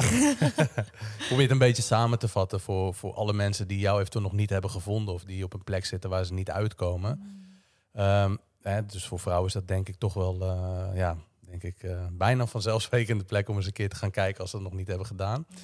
Misschien nog leuk om eh, af, te sluiten, eh, af te sluiten met een boodschap voor mannen. Wat, wat, wat er Mm. misschien mist op dit moment in de wereld of wat jij ervaart. Je hebt natuurlijk zelf een, een prachtige man eh, gevonden waar je heel gelukkig mee bent. Het is heel mooi om te horen ook hoe, hoe je over hem praat. En, en ja, natuurlijk wat je ziet ook aan de buitenkant. Maar ik zie gewoon aan wat er met je gebeurt als je over hem praat. En, Mm. en waaraan zou dan een, een goede man volgens jou moeten voldoen? Of wat, wat zijn tips die je misschien vanuit jouw positie als vrouw zijnde, die dus ook voor die vrouwen instaat, een goede man aan moeten voldoen? Nou, ik denk er dat je als man te realiseren dat een vrouw eigenlijk niet zo heel veel nodig heeft, behalve dat jij naar haar luistert. Als ik één ding heb gezien en heb gevraagd van al die vrouwen die ik hierover heb gesproken, van wat maakt ze geil, wat maakt ze gelukkig, wat maakt ze dat ze voor jou gaat rennen, is dat, dat jij als man ruimte maakt voor haar en met haar meedenkt en vragen stelt. Dus niet gelijk in de oplossingen schiet, maar gewoon haar aankijkt, helemaal present bent en gewoon vraagt van hoe voel je hierover? Is er iets wat ik voor jou kan doen? Wil je dat ik met je meedenk? En dan kan een vrouw ook daar helemaal in ontspannen. En ik denk dat als je dat gewoon voor elkaar kan krijgen voor jezelf, om daar echt een soort van, eh, ja, dat vaker te doen, dat je dan echt al een hele andere vrouw ook krijgt. Mooi omschreven. Ik denk eh, dat dat zo boem in één klap eh, dat goed samenvat. Mooi ook vanuit, vanuit jouw kant, hè, vanuit het vrouw zijn. Wat je heel erg probeert te benadrukken en, en uit te dragen. Andere mensen mee helpt. Eh, want wat is, dat is natuurlijk wel wat vaak bij mannen. Ik gaf het net aan. Ik denk gelijk in praktische oplossingen voor situaties. En ik, oh, dat kunnen we zo oplossen dat dat dan eigenlijk niet de bedoeling is. En dat je luistert, de vrouw vertrouwt op haar eigen kunnen. Ja. Dat je aanwezig bent in het moment.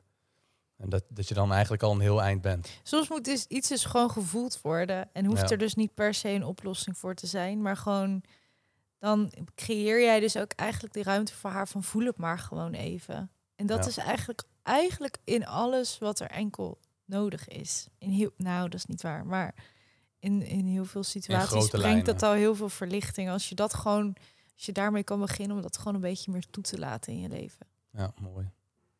prachtig. Ja, heel mooi gesprek. Eh, we gaan eh, bijna richting de twee uur dus. Oh, wauw, echt Ja, zo. ja, je vliegt zo weer eh, terug naar het mooie Ibiza. Ja.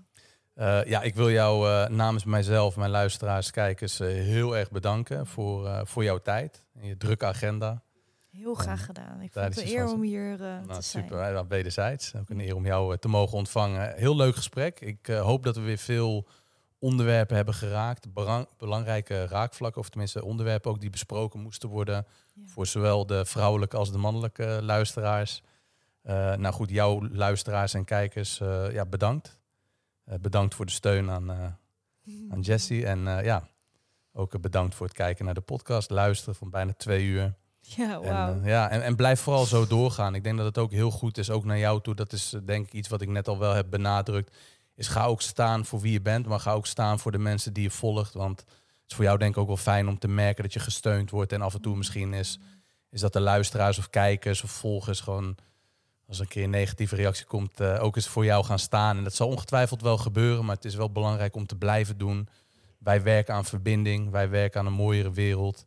En eh, ik denk dat niets eh, sterker is dan dat. Hmm, Heel mooi gezegd. En jij bedankt dat je dit allemaal faciliteert en doet. Ja, heel graag gedaan. Het is eh, waar ik ook heel blij van word, waar ik gelukkig van word. En ja, het motiveert me alleen maar om door te gaan als je dat af en toe ook terugkrijgt. En nou, als ik kijk welke gast ik heb mogen ontvangen, waaronder jij, dan ja, motiveert dat alleen maar meer.